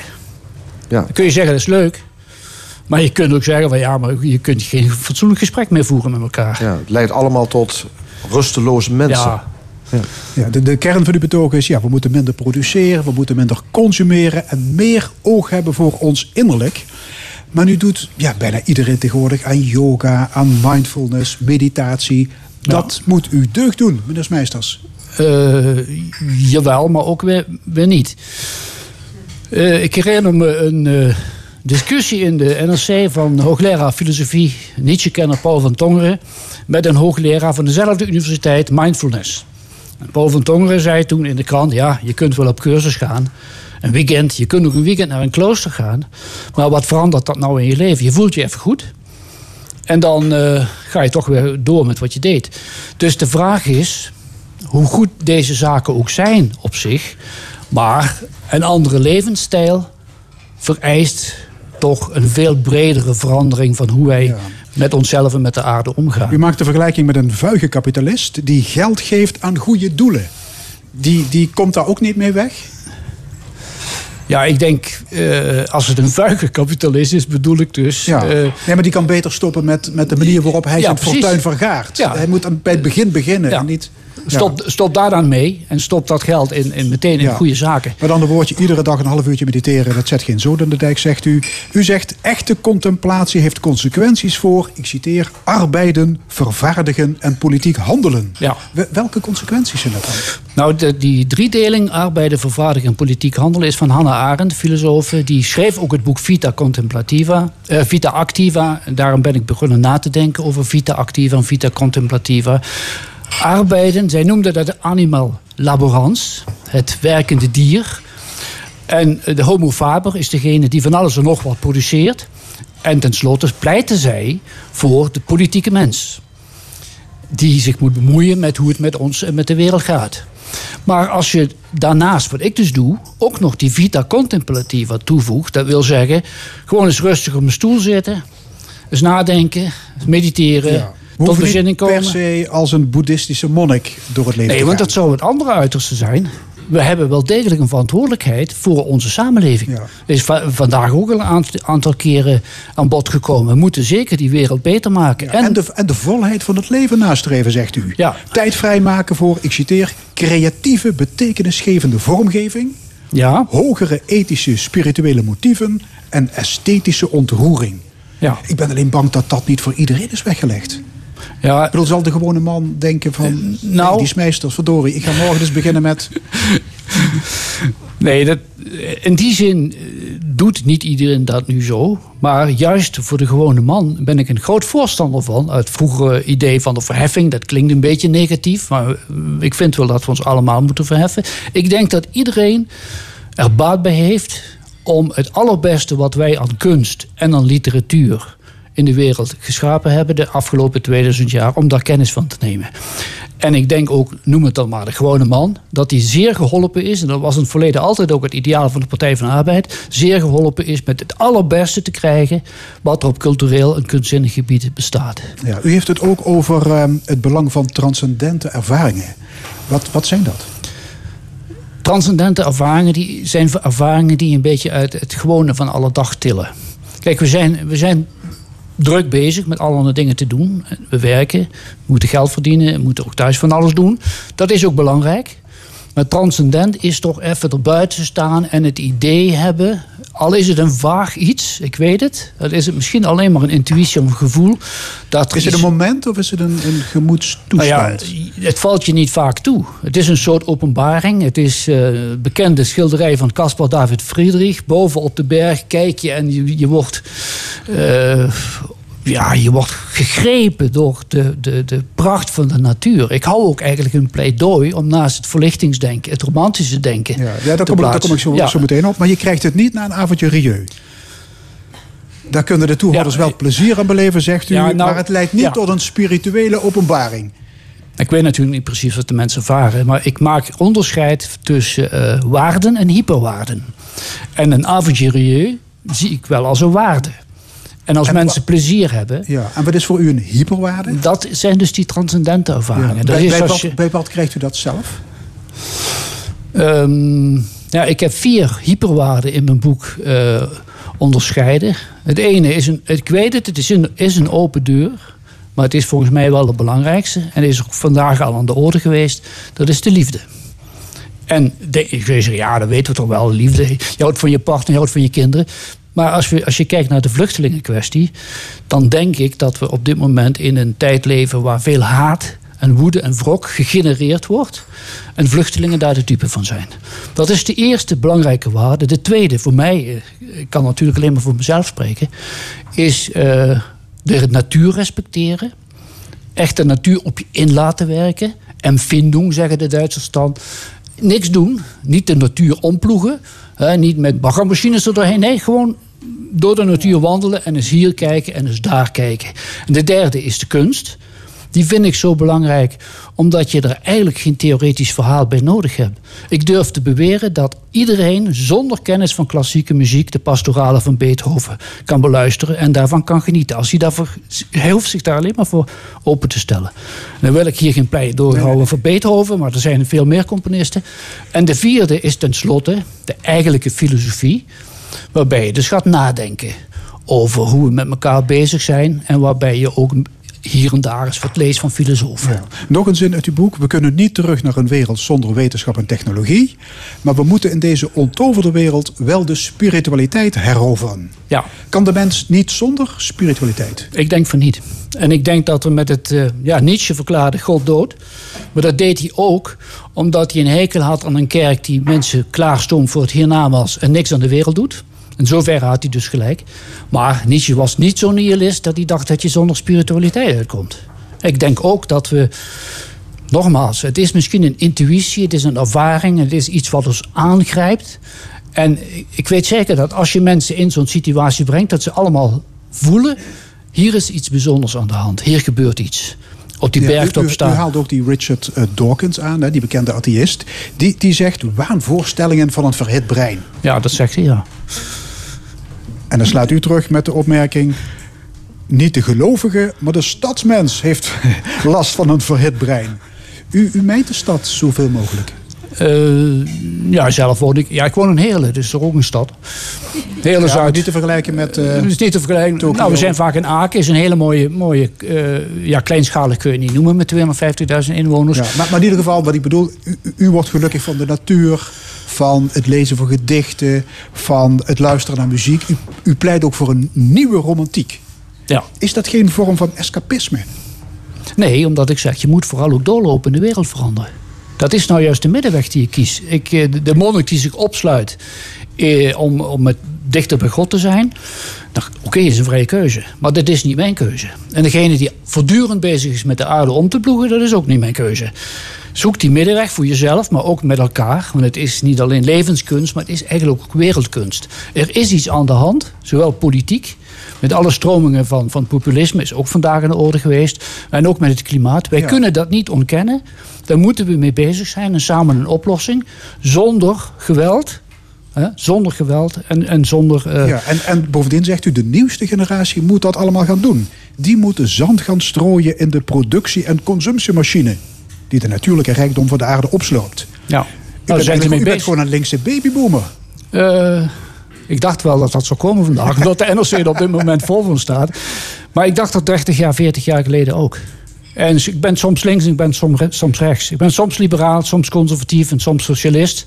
En ik probeer dat met elkaar in evenwicht te brengen. Ik zeg ook niet alleen dat de jeugd het moet opknappen. Integendeel, dit boek heb ik ook geschreven voor de jeugd. De, de uitgever is iemand van, uh, van rond de 30. De eindredactrice is rond de 30. Die hebben zich er allemaal over gebogen om te kijken of dit oude mannentaal is, wat je zou kunnen zeggen. Of dat we daar misschien en dat de jeugd daar ook iets aan heeft. U bent acht jaar geleden met het boek begonnen. Uh, ook met de bedoeling schrijft u om uw eigen binnenwereld te verkennen. bent u zelf wijzer geworden? Ja, ik vind dat ik, uh, als ik terugkijk, ik ben inmiddels met pensioen. Uh, die acht jaar zijn acht pensioenjaren. Dat ik een aantal dingen in mijn leven en samen ook met mijn echtgenoten op een rij heb gezet. Dus het was ook een persoonlijke kwestie naar de Ja, dat ontstaat vanzelf. Ik lees graag, ik studeer graag, ik uh, schrijf graag. Dat, uh, ik ben ook niet begonnen met het idee van ik ga zo'n boek schrijven. Gisteren kwam het boek van de uitgever bij ons thuis aan. We pakten het in de handen en zeiden beide: Goh, het is er dus. dit, dit is het dus Dit geworden. Ja. Meisters, hartelijk dank. Het boek Doorlopen en Stilstaan is verschenen bij uitgeverij ISVW. Dankjewel. Dankjewel. Zometeen in de stemming de column van Jos van Wersch en het eh, opiniepanel. Maar nu eerst muziek van het duo Barn en Bellen. Twister Lady.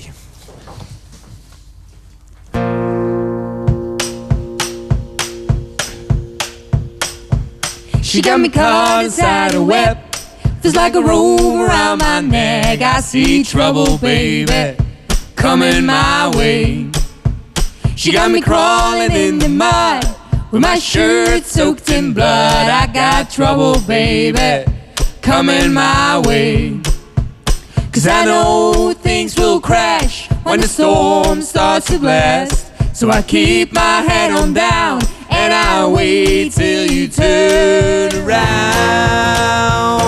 Yeah. She drinks her coffee black as night with a little drama on the side. I see destruction, baby, coming my way. She wants your love, she wants respect. But when she's done, she'll leave you wrecked. I got destruction, baby, coming my way. Cause I know things will crash when the storm starts to blast. So I keep my head on down and I'll wait till you turn around. Yeah. Turn around, baby. Turn around, baby. Turn around for Turn around me. for me. Turn around, baby. Turn around, baby. You're my twister lady. Turn around, baby. Turn around, baby. Turn around for Baby. Turn around, baby. You're my twister lady. She got the house, she got the car, and she tore my chest apart. I see sorrow, baby, coming my way. She hides out in the dark, waits to strike her lightning sparks. I got sorrow, baby, coming my way. Cause I know things will crash when the storm starts to blast. So I keep my head on down and I'll wait till you turn around. Yeah. Turn around, baby. Turn around, baby. Turn around for Turn around for me. Turn around, baby. Turn around, baby. You're my twister lady. Turn around, baby. Turn around, baby. Turn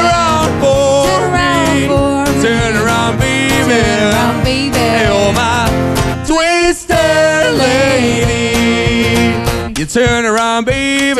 Turn around, baby. Turn around for Turn around me. for me. Turn around, baby. Turn around, baby. You're my twister lady. Yeah, turn around, baby. Turn around, baby. Turn around for Turn me. around for me. Turn around, baby. Turn around, baby. You're my twister lady. Turn around,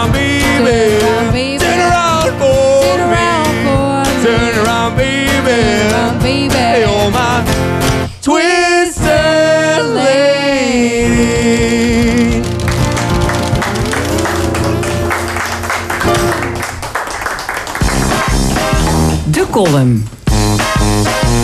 Vandaag met Jos van Wersch. Mijn achterband is wel wat zacht, maar het geeft niet. Lieve pop, spring maar achterop. Zo heette ver voor het vrouwenquotum de tophit van Eddie Christiani in het jaar dat ik geboren ben. Dus kijk nu maar snel op uw iPhone. Dan ziet u van welke jaargang deze babyboomer is.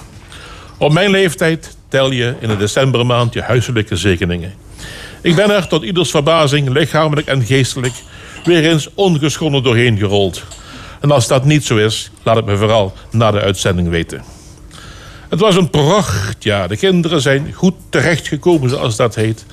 Mijn ega freewheelt nog steeds als een bekoorlijke dancing queen door het leven. En mijn topfitte moeder longt op haar negentigste, vol verwachting naar haar 91ste. En nu ik toch op zijn Facebooks bezig ben, Onze zoon kijkt uit naar een nieuwe baan en onze dochter die vond een zeer hulpvaardige vriend die dag en nacht voor haar klaar staat. Maar het is wel een brabo. Ook nog met de tongval van Theo Maassen. Dus daar moeten we thuis heel erg aan wennen. Wat nooit zal wennen zijn die altijd klagende, nochtans stinkend rijke boeren in mijn dorp die je op een middelvinger trakteren als je over hun stikstofuitstoot begint. Ik schud meewarig mijn hoofd omdat kinderen niet meer kunnen lezen, laat staan schrijven. Al mag dat niet verbazen, want hun meesters en hun juffen staan tussen hun vakanties door. Voornamelijk op het Malieveld in plaats van voor de klas. Ik moet glimlachen om wat ze in Maastricht als het achtste wereldwonder beschouwen. Zijn in de tram, wat zeg ik, sneltram naar Hasselt. Zoals ze in Helen heilig geloofden in de Avantis spoorlijn. Maar bij nader inzien helaas geen geld, alleen in libidoloze korenwolf.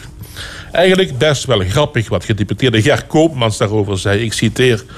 We zouden het nog een keer kunnen proberen. Ik weet alleen niet of de minister erin trapt. Die Ger toch. Intussen zijn ze in Paarstad alweer oh zo blij met de volgende dode mus. Omdat onze verkeersminister de intercity-verbinding Amsterdam-Aken best wel een leuk ideetje vindt. Maar ook niet meer dan dat. Wel waar, zegt Emiel Roemer. In 2025, anno domini, dan is ome Emiel inmiddels zeven jaar waarnemend burgemeester in Heerlen. Kan Aken zelfs vanuit Heerlen per intercity worden bereikt. Ook hier geldt, one small step for man, one giant leap for mankind. Om in de stemming te komen van een nachtmis trek ik mij per vandaag terug in het warme bad van de huiselijke kring. Na twaalf maanden lang kolmgewijs en volstrekt tevergeefs gedonderjaagd te hebben op alles en iedereen. Ik ga tot drie koningen, voor wie dat nog wat zegt, heel erg de andere kant op kijken. En laat de intimiderende stikstofboeren, de Haagse vreugdevuurtokkies en de provinciale vliegveldhobby met een gerustheid over aan de gummiknuppel van ons discussiepanel.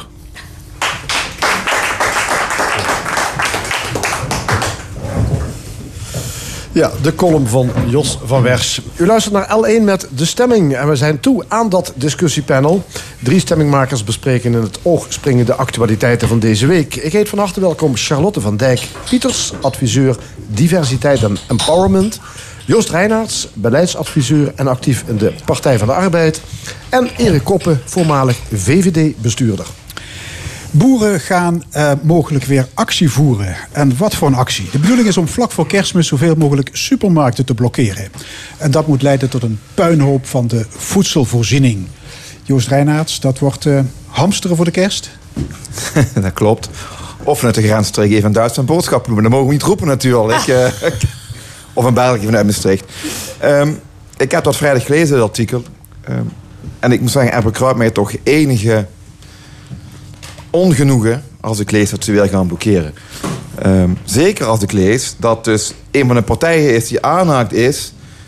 VDF, dat zijn Farmers for Defense, krijgt steun van de organisaties achter de vreugdevuren in Den Haag. Want die mogen dit jaar niet doorgaan omdat ze niet aan de veiligheidseisen voldoen. Als dat je vrienden zijn, dan heb je een groot probleem. Charlotte van Dijk? Dat laatste stukje wist ik niet. Um, wat ik heel erg belangrijk vond, en dat hoorde ik straks uh, Joost Kraker. Joop, de Joop de Kraker, onze nieuwe analist duurzaamheid. Is, is als we het hebben over duurzaamheid. We zullen het nooit goed kunnen oplossen, maar we zullen altijd iets moeten minderen.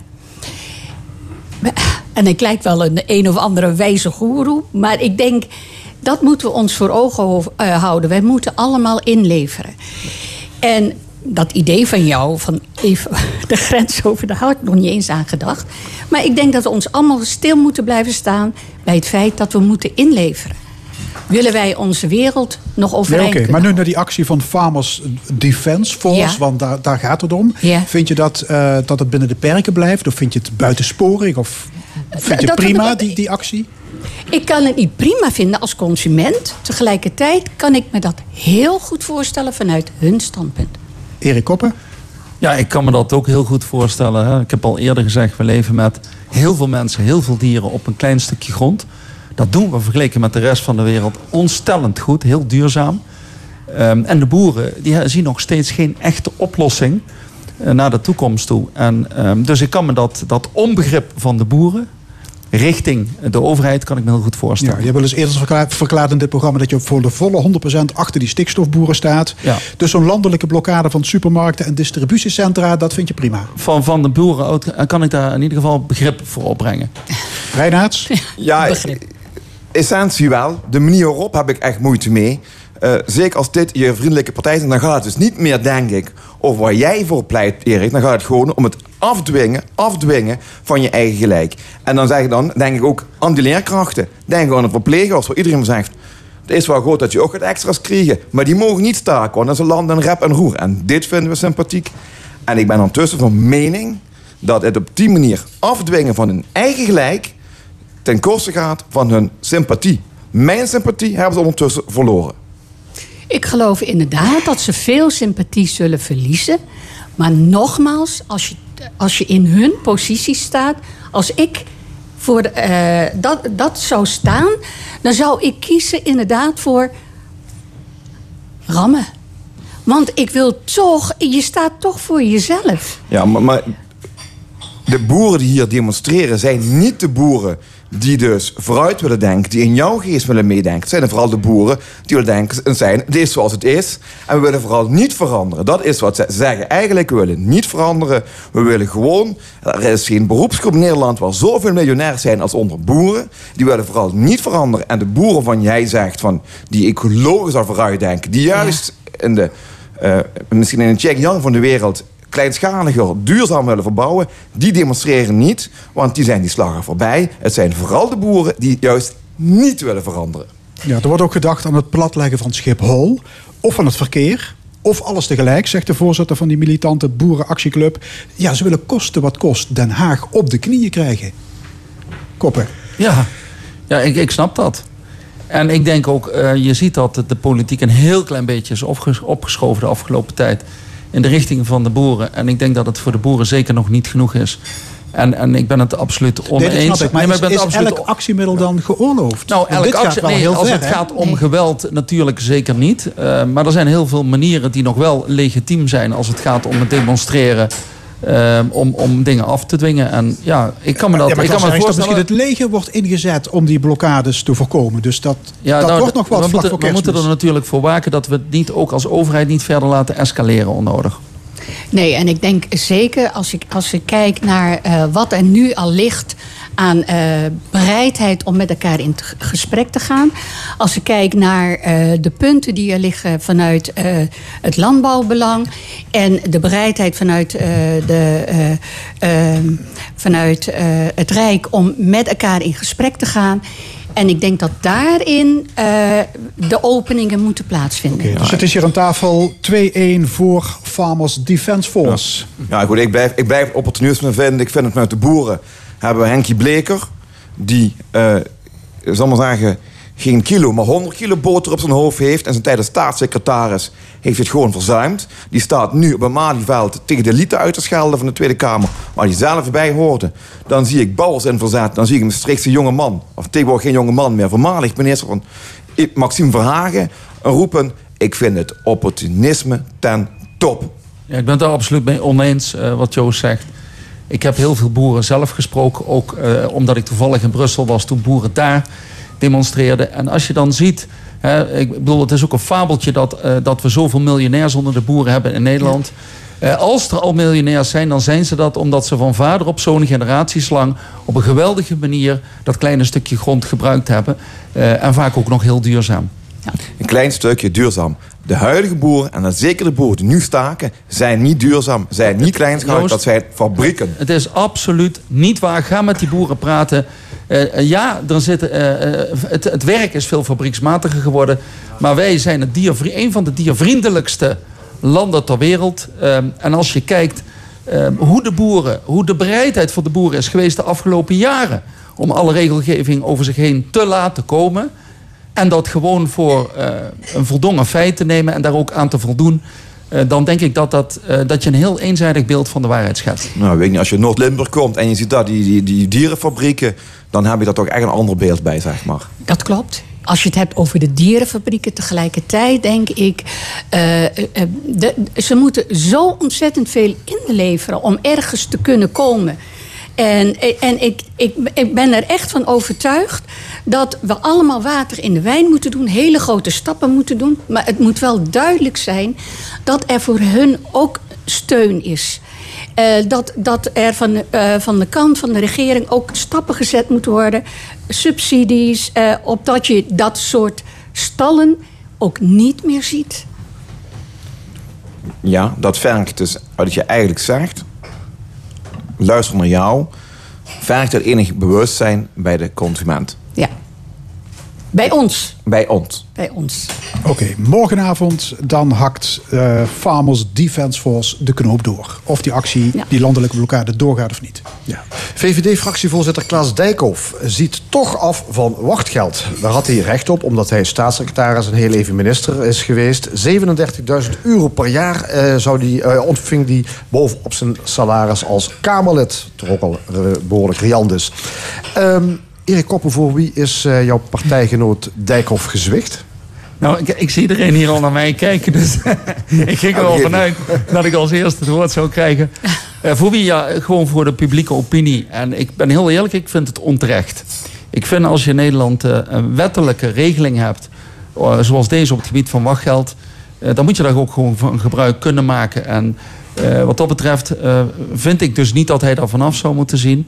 Ehm, ik vind van de andere kant, en, en misschien kan Joost... eigenlijk een slapjanus, die Dijkhoff. Nou, ik zei niet dat de slapjanus is. Ik snap dat hij voor de publieke opinie eh, is gezwicht. Eh, Maar voor mij had het niet gehoeven. Dat heb ik gezegd. En ehm, ik kan ook veel stelliger zeggen. In 2005 ben ik eh, namens de provincie heb ik deelgenomen aan een onderzoek naar de rechtspositie van bijvoorbeeld statenleden in Nederland. En daar liep ik al gauw tegen een versnipperd landschap aan in de provincies over wachtgeldregelingen. En Limburg had een van de ergste wachtgeldregelingen. In Limburg was het zelfs zo dat als een wethouder ze ook statenlid werd daarnaast en hij stopte daarna, dan kreeg hij wachtgeld over zijn statenlidmaatschap bovenop zijn wethouderswedden. Daar heb ik een eind aan gemaakt met medewerking. Voorlopers waren Zeeland en Groningen. Andere provincies hadden dat weer moeite mee. Maar we hebben toen in één klap voor heel Nederland al die lucratieve wet, eh, wachtgeldregelingen afgeschaft. En we hebben er één versoberde regeling voor in te leven geroepen.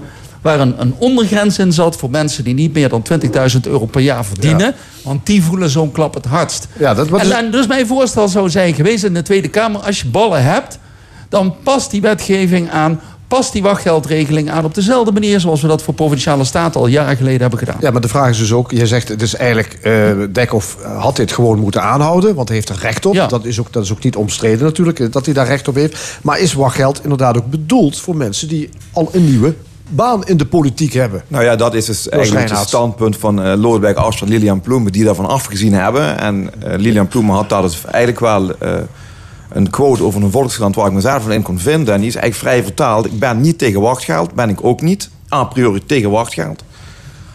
Alleen is het wachtgeld eigenlijk bedoeld ter overbrugging... als je geen inkomen hebt... En als je eigenlijk een goed riant inkomen als Tweede Kamerlid hebt... dan heb je dan misschien naar de regels van de wet recht op... maar zou je er in de geest van de wet af moeten afzien. En daar kan ik me eigenlijk wel in vinden. Ja, Joost, ik niet. Eh, Ik kan me er absoluut niet in vinden. Omdat ik vind, eh, als er wettelijke regels zijn... heel veel mensen maken gebruik van diezelfde wettelijke regels...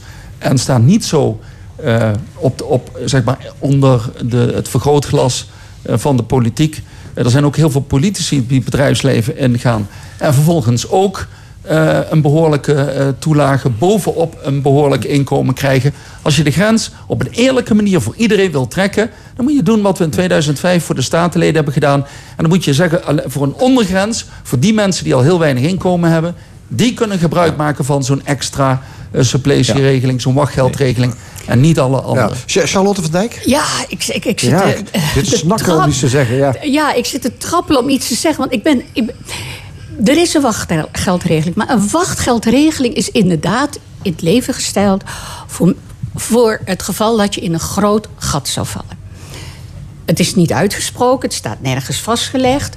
Maar in de geest is het zo eh, eh, neergezet. En ik kan me heel goed voorstellen dat je En dan zie ik al die burgers om me heen die zeggen: ja, maar die hebben daar een baan. En op die manier krijgen ze toch nog wachtgeld. Ik krijg nog niet eens een bijstandsuitkering, omdat eh, ik een inwonende zoon en dochter heb. Waar zit nou die gelijkheid? En, en, en En, en, en ik begrijp het volkomen. Ehm, ik heb de stukken erop nageslagen. Ik begrijp volkomen dat er niets tegenin te brengen valt bij eh, het Dijkhof. Het is een recht, een wettelijk recht. Tegelijkertijd denk ik, je staat daar, je kent de wereld, eh, je mag iets van in het woord integriteit mag je verwachten. Ehm, mijn advocaat zei eens een keer: niemand is. eh, ik ga er niet vanuit dat iedereen crimineel, misdadig is, corrupt, fraudeleus. Maar mensen zijn onhandig. En ik vind dit een hele grote onhandigheid. Nou, dat, is, dat, dat is het ook. Ehm, wat er ook bij speelt, is waarom de boemerang eigenlijk ook snoeihard terugkomt naar Dijkhoff. Is omdat dezelfde Dijkhoff ook roept van Nederland, onderschap en bijstand moet je verdienen. Dat is geen recht. Hij wil dus korten op bijstand. Eh, hij heeft dus daar ferme uitspraken over gedaan. En die boemerang krijgt hij natuurlijk uiteindelijk ook terug. En ik moet zeggen, eh, gisteren stond in NRC een stuk over Tom-Jan Meeuwis. Ik lees hem altijd heel erg graag. En die zei eigenlijk, wat je hier ziet, is de overheid, de politiek, is eigenlijk nou, de mensen die uitkerings krijgen, een beetje gaan bekijken als potentiële eh, fraudeur. En de excessen daarvan zie je gebeuren rondom zeg maar, de belastingdiscussie nu met die kinderopvang. Wat weet ik ook speelde is. En als jij dus iedere keer mensen dus vanuit ehm, wantrouwen bejegent, dan moet je dus ook niet raar opkijken dat diezelfde burgers dan ook met diezelfde verwijzende vinger terugwijzen naar politici als die iets fout doen. Dan is dat nationale, nationale Maar het is niet fout, hè? Even, even voor alle duidelijkheid. Het is niet fout, want het staat in de wet Nee, dat, vastgelegd. dat, dat is duidelijk. Ja, maar ja. maar is- komt, komt nog bij dat Dijkhoff eens onterecht 4900 euro aan reiskostenvergoeding heeft ontvangen. Dat had hij niet in de gaten, zei hij zelf. Kan dat? Ja, Ja, dat is rondag dom. Ja, als, als ik 500 euro per maand aan is mijn dom. loonstrookje sla ik toch wel denk ik aan. Dus Ja. ik vind het een beetje raar. Wat doet het met het imago van Dijkhoff? Ja. Charlotte Ik- van Dijk? Ik, ik keek graag naar hem bij de slimste mens. Maar eh, ik denk dat hij eh, nu heel goed eh, naar zichzelf moet kijken voor de komende verkiezingen. Wat betekent dit nou? En ik, flink, ik denk dat hij een flinke deuk heeft eh, opgelopen. Ja, hij gold toch een beetje als de kroonprins van de VVD. Hè? Absoluut. Met zijn droog komische uitstraling. Is, is het passé voor hem? Ja, dat, eh, dat zal de tijd moeten uitwijzen. Dat hij een flinke deuk heeft opgelopen, mag duidelijk zijn. Hij doet de VVD geen goed hiermee in ieder geval. 12,7 procent. Ja, goed, maar we zien ook dat dit soort, eh, dit, dit soort sentimenten, al, al dan niet terecht, daar zien we ook van dat, eh, en dan ze ze zeggen wel, vergelijken het wel eens met de vis en de krant eh, eh, waarmee die eh, ingepakt is. Eh, dat, dat is een golfbeweging. De VVD alleen, alleen, alleen de vraag vergeet nogal snel. Nee, nee ik zeg, dat zeg ik niet. De mensen vergeten niet snel. Maar eh, we moeten niet na één peiling, een week later, of voor zover peilingen überhaupt iets zeggen, daar meteen heel zware conclusies aan Maar verbinden. ik kan als sociaaldemocraat zeggen en lid van deelgenomen aan de, aan eh, de desastreuze Kamerverkiezingen van 2017. De kiezer rekent ook af. En dat heeft bij mij heel veel pijn gedaan. Maar goed, als, nee, maar als Asscher echt iets had gewild... dan had hij lef ballen moeten tonen... en dan had hij de wachtgeldregeling, had hij wetswijziging moeten indienen. En dat doet hij ook niet. Ja, hij is Maar pre- premier Rutte heeft toch ook dubbel gedeclareerd, jarenlang? Enfin, misschien is het goed dat daar eens naar eh, gekeken wordt. Ander nieuws van deze week. Het vrouwenquotum is er door. De raden van commissarissen van beursgenoteerde ondernemingen... moeten voor minimaal 13% uit vrouwen bestaan. Dat heeft de Tweede Kamer deze week beslist. Charlotte van Dijk, je bent adviseur diversiteit. Ja. Is dit een grote barst in het glazen plafond? Eh, als, ik, als ik naar de krantenartikelen kijk, dan denk ik... wow, een historisch eh, moment wordt er gesproken. Ehm, dat denk ik gegarandeerd. Als, ik terugkijk naar 100 jaar emancipatie... dan zeggen... Ik weet dat ik een, eens een keer hier heb gezegd, eh, gezeten en toen zeiden jullie... ja, maar het zijn allemaal zulke kleine stapjes. Dan denk ik, als je terugkijkt naar 100 jaar terug... de kiesrecht, eh, handelingsbekwaamheid en nu een vrouwenquotum. Het is niet zaligmakend, maar het is wel weer een van de vele stapjes vooruit. Erik Koppen, wat vind jij van zo'n bindend vrouwenquotum? Nou, voor, ja, ik ben er geen voorstander van. Voor mij had het niet gehoeven. Ehm, eh, en, en ik Waarom niet? Is het te veel overheidsbemoeienis? Nee, maar het- kijk, het gaat er ook om, en, en dat is wel vaker gezegd, de excuustruus. Ehm, ehm, vrouwen die benoemd worden om die reden, eh, om die reden alleen, ehm, die krijgen van tevoren al de twijfel mee dat ze niet goed genoeg zijn voor de functie. Eh, dus wat dat betreft, ehm, ik snap het in aantallen om dit te bereiken, maar kijk hier aan tafel, we zitten hier met vier mannen en één vrouw. Ik, ik ben hartstikke blij met die vrouwen in, in dit gezelschap. En ik vind dat in ieder geval L1 zou, eh, ernaar zou moeten streven. Dat de bezetting van dit soort panels, dat er minimale vrouwen in zitten. uitermate ons best. En als dat niet het geval is, dan moet die stoel ook leeg blijven. Heel goed. Joost Reinhardt. Ja, ik, ik moet zeggen, ik ben wel een beetje verbaasd. Ik, eh, dat jij links nou, zegt van, goh, dit is eigenlijk een stoor stap. Want ik denk, het is een stap. Het is denk ik ook wel een grote stap. Maar we zijn er uiteindelijk nog steeds niet. Het gaat eigenlijk om tweeledig dingen, naar mijn mening. Eén is, het gaat eigenlijk om kwaliteit. Dat kwaliteit leidend moet zijn ten opzichte van... Ja, dan doen wij nu even zeggen het geslacht. Hè? Dus de beste man, beste vrouw moet op de plaats terechtkomen. Maar twee gaat natuurlijk ook om, maar daar hebben we het niet over gehad... is dat gelijk loon voor gelijk werk moet gaan gelden. En dat ben ik dus nu eens als sociaaldemocraat toch wel even Maar, overtuigd. goed, maar de Kamer heeft een motie aangenomen om niet alleen topvrouwen te pushen, maar ook eh, vrouwen lager op de arbeidsmarkt. Ja, er, terecht. moet, er moet een plan van aanpak komen die zorgt voor gelijke betaling, betere kinderopvang en ouderschapsverlof. Ja, daar kan ik alleen maar voor zijn. Ja, ik wil echt terug, terug naar kwaliteit. Want dat is zo'n, ehm, vind ik, een, een, een dooddoener. Niemand heeft het toch over dat we het niet over kwaliteit hebben. We hebben het over kwaliteit. Maar in hoeverre kan dat zichtbaar worden? Onze wereld bestaat uit 50% mannen, 50% vrouwen. Kijk je naar de, bestuurs, eh, de toplaag van de bestuurders, zie je praktisch alleen maar mannen. Betekent dit nu dat het allemaal dus mannen met kwaliteit zijn en dat al die vrouwen die niet aan bod komen, dat die dus helemaal geen kwaliteit hebben? Nou, daar schrik ik wel van zo'n statement hoor. Als dat gezegd wordt. Ik denk, ik denk dan moet je terug naar de basis. Hè. Wat, is, wat is een van de redenen waarom er zoveel mannen op, op hoger eh, geplaatste functies zitten en relatief weinig vrouwen Old wel Boys steeds Network. meer- Nou nee, niet de Old Boys Network. Ik denk, we moeten niet vergeten dat heel vaak zo is dat mannen fulltime blijven werken. Veel meer mannen werken fulltime dan vrouwen. Veel meer vrouwen werken parttime eh, dan mannen. En als je parttime werkt, heb je gewoon meer moeite om aan die hoger geplaatste functies te komen. En nee, maar dat blijkt, en ik denk, ik, ik probeer een oorzaak te zoeken van hoe komt het nou dat vrouwen minder vertegenwoordigd zijn. Ik denk dat het wel een van de oorzaken is. En je ziet door de jaren heen heel langzaam dat veranderen. Dat steeds meer mannen parttime gaan werken en in verhouding tot vrouwen. Eh, dus ik denk dat de weg naar boven toch is ingeslagen, maar het gaat heel geleidelijk. Dat ben ik het helemaal met je eens. Ehm, het, is een, een- het is stereotypering waar je tegenaan loopt in de zorg. Eh, zorg voor thuis, voor, voor het gezin. En eh, daar is steeds meer oog voor. Er worden ook steeds meer regelingen voor eh, van, eh, komen van de grond, zoals kinderopvang en dat soort zaken. Inderdaad, er zijn verschillende oorzaken. Ik weet dat de CERDE in, in het begin van dit jaar nog verschillende eh, kennisbijeenkomsten heeft georganiseerd om van de mensen zelf te horen van waar loop je nu tegenaan? En in onder andere is dat de zorg, eh, het deeltijd werken. Maar waarom werken vrouwen deeltijd? Eh, wat moet er dan geregeld worden opdat die deeltijdfactor omlaag gaat? Ik wou zeggen omhoog, omla- omlaag gaat. Wat moet er allemaal geregeld worden? Welke knop moet er omgedraaid worden? Om, om dit soort zaken gewoon Dus, weer te ja, veranderen. ik wil nog een heel even op de valreep Maastricht-Aachen Airport eh, aanhalen. Ehm, het eh, vliegveld wordt doorgelicht. Er komt een onderzoek naar de economische en de maatschappelijke kosten en baten van het vliegveld.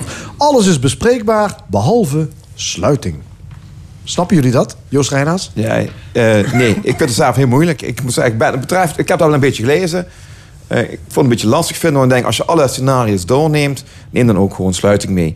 Alleen dan om iets te beslissen, te bespreken hebben met elkaar hierover. En echt een goed standpunt in te nemen. Maar ik begrijp ook dat het dossier Aachen Airport zo groot majeur is dat het lastig is. Ja, jij vindt het vreemd? Wie, we- Charlotte van Dijk, kijk je Nou, ik, ik, ik ben eh, eh, met, die, eh, eh, met die baten en ko- kosten- en batenanalyse ben ik het helemaal mee eens. Ik vind ook. Maar moet je dit- ook sluiting meenemen? Dan moet je ook sluiting meenemen. En je moet het vooral communiceren met, de, met de burgers. Ja. Want die weten vaak helemaal niet waar het om gaat. Erik Koppen? Nee, ik ben het er absoluut mee oneens. Ik, eh, ik vind juist dat eh, sluiting niet moet worden meegenomen. Eh, eh, dit soort, als je kijkt naar de weg, eh, het Ja, luchttransport. waarom niet? Waarom moet je sluiting niet meenemen? Omdat, omdat bereikbaarheid nog steeds een van de allerbelangrijkste vestigingsfactoren is. En omdat het de wereld steeds sneller gaat. Omdat eh, pakjes door Europa heen steeds sneller moeten worden bezorgd. En als je dat vliegtuig sluit, zet je je daarvoor bij voorbaat buitenspel. Nee, ze zeggen je maakt sluit dicht, onderzoek het. Dat Nee, is niet een groot verschil. Nee, ik vind je moet onderzoeken hoe je het vliegveld naar de toekomst toe de beste kansen kan geven en tot de beste eh, verhouding kosten en opbrengsten Maar wil je het hele spectrum besteken, kun je, moet je ook het negatieve...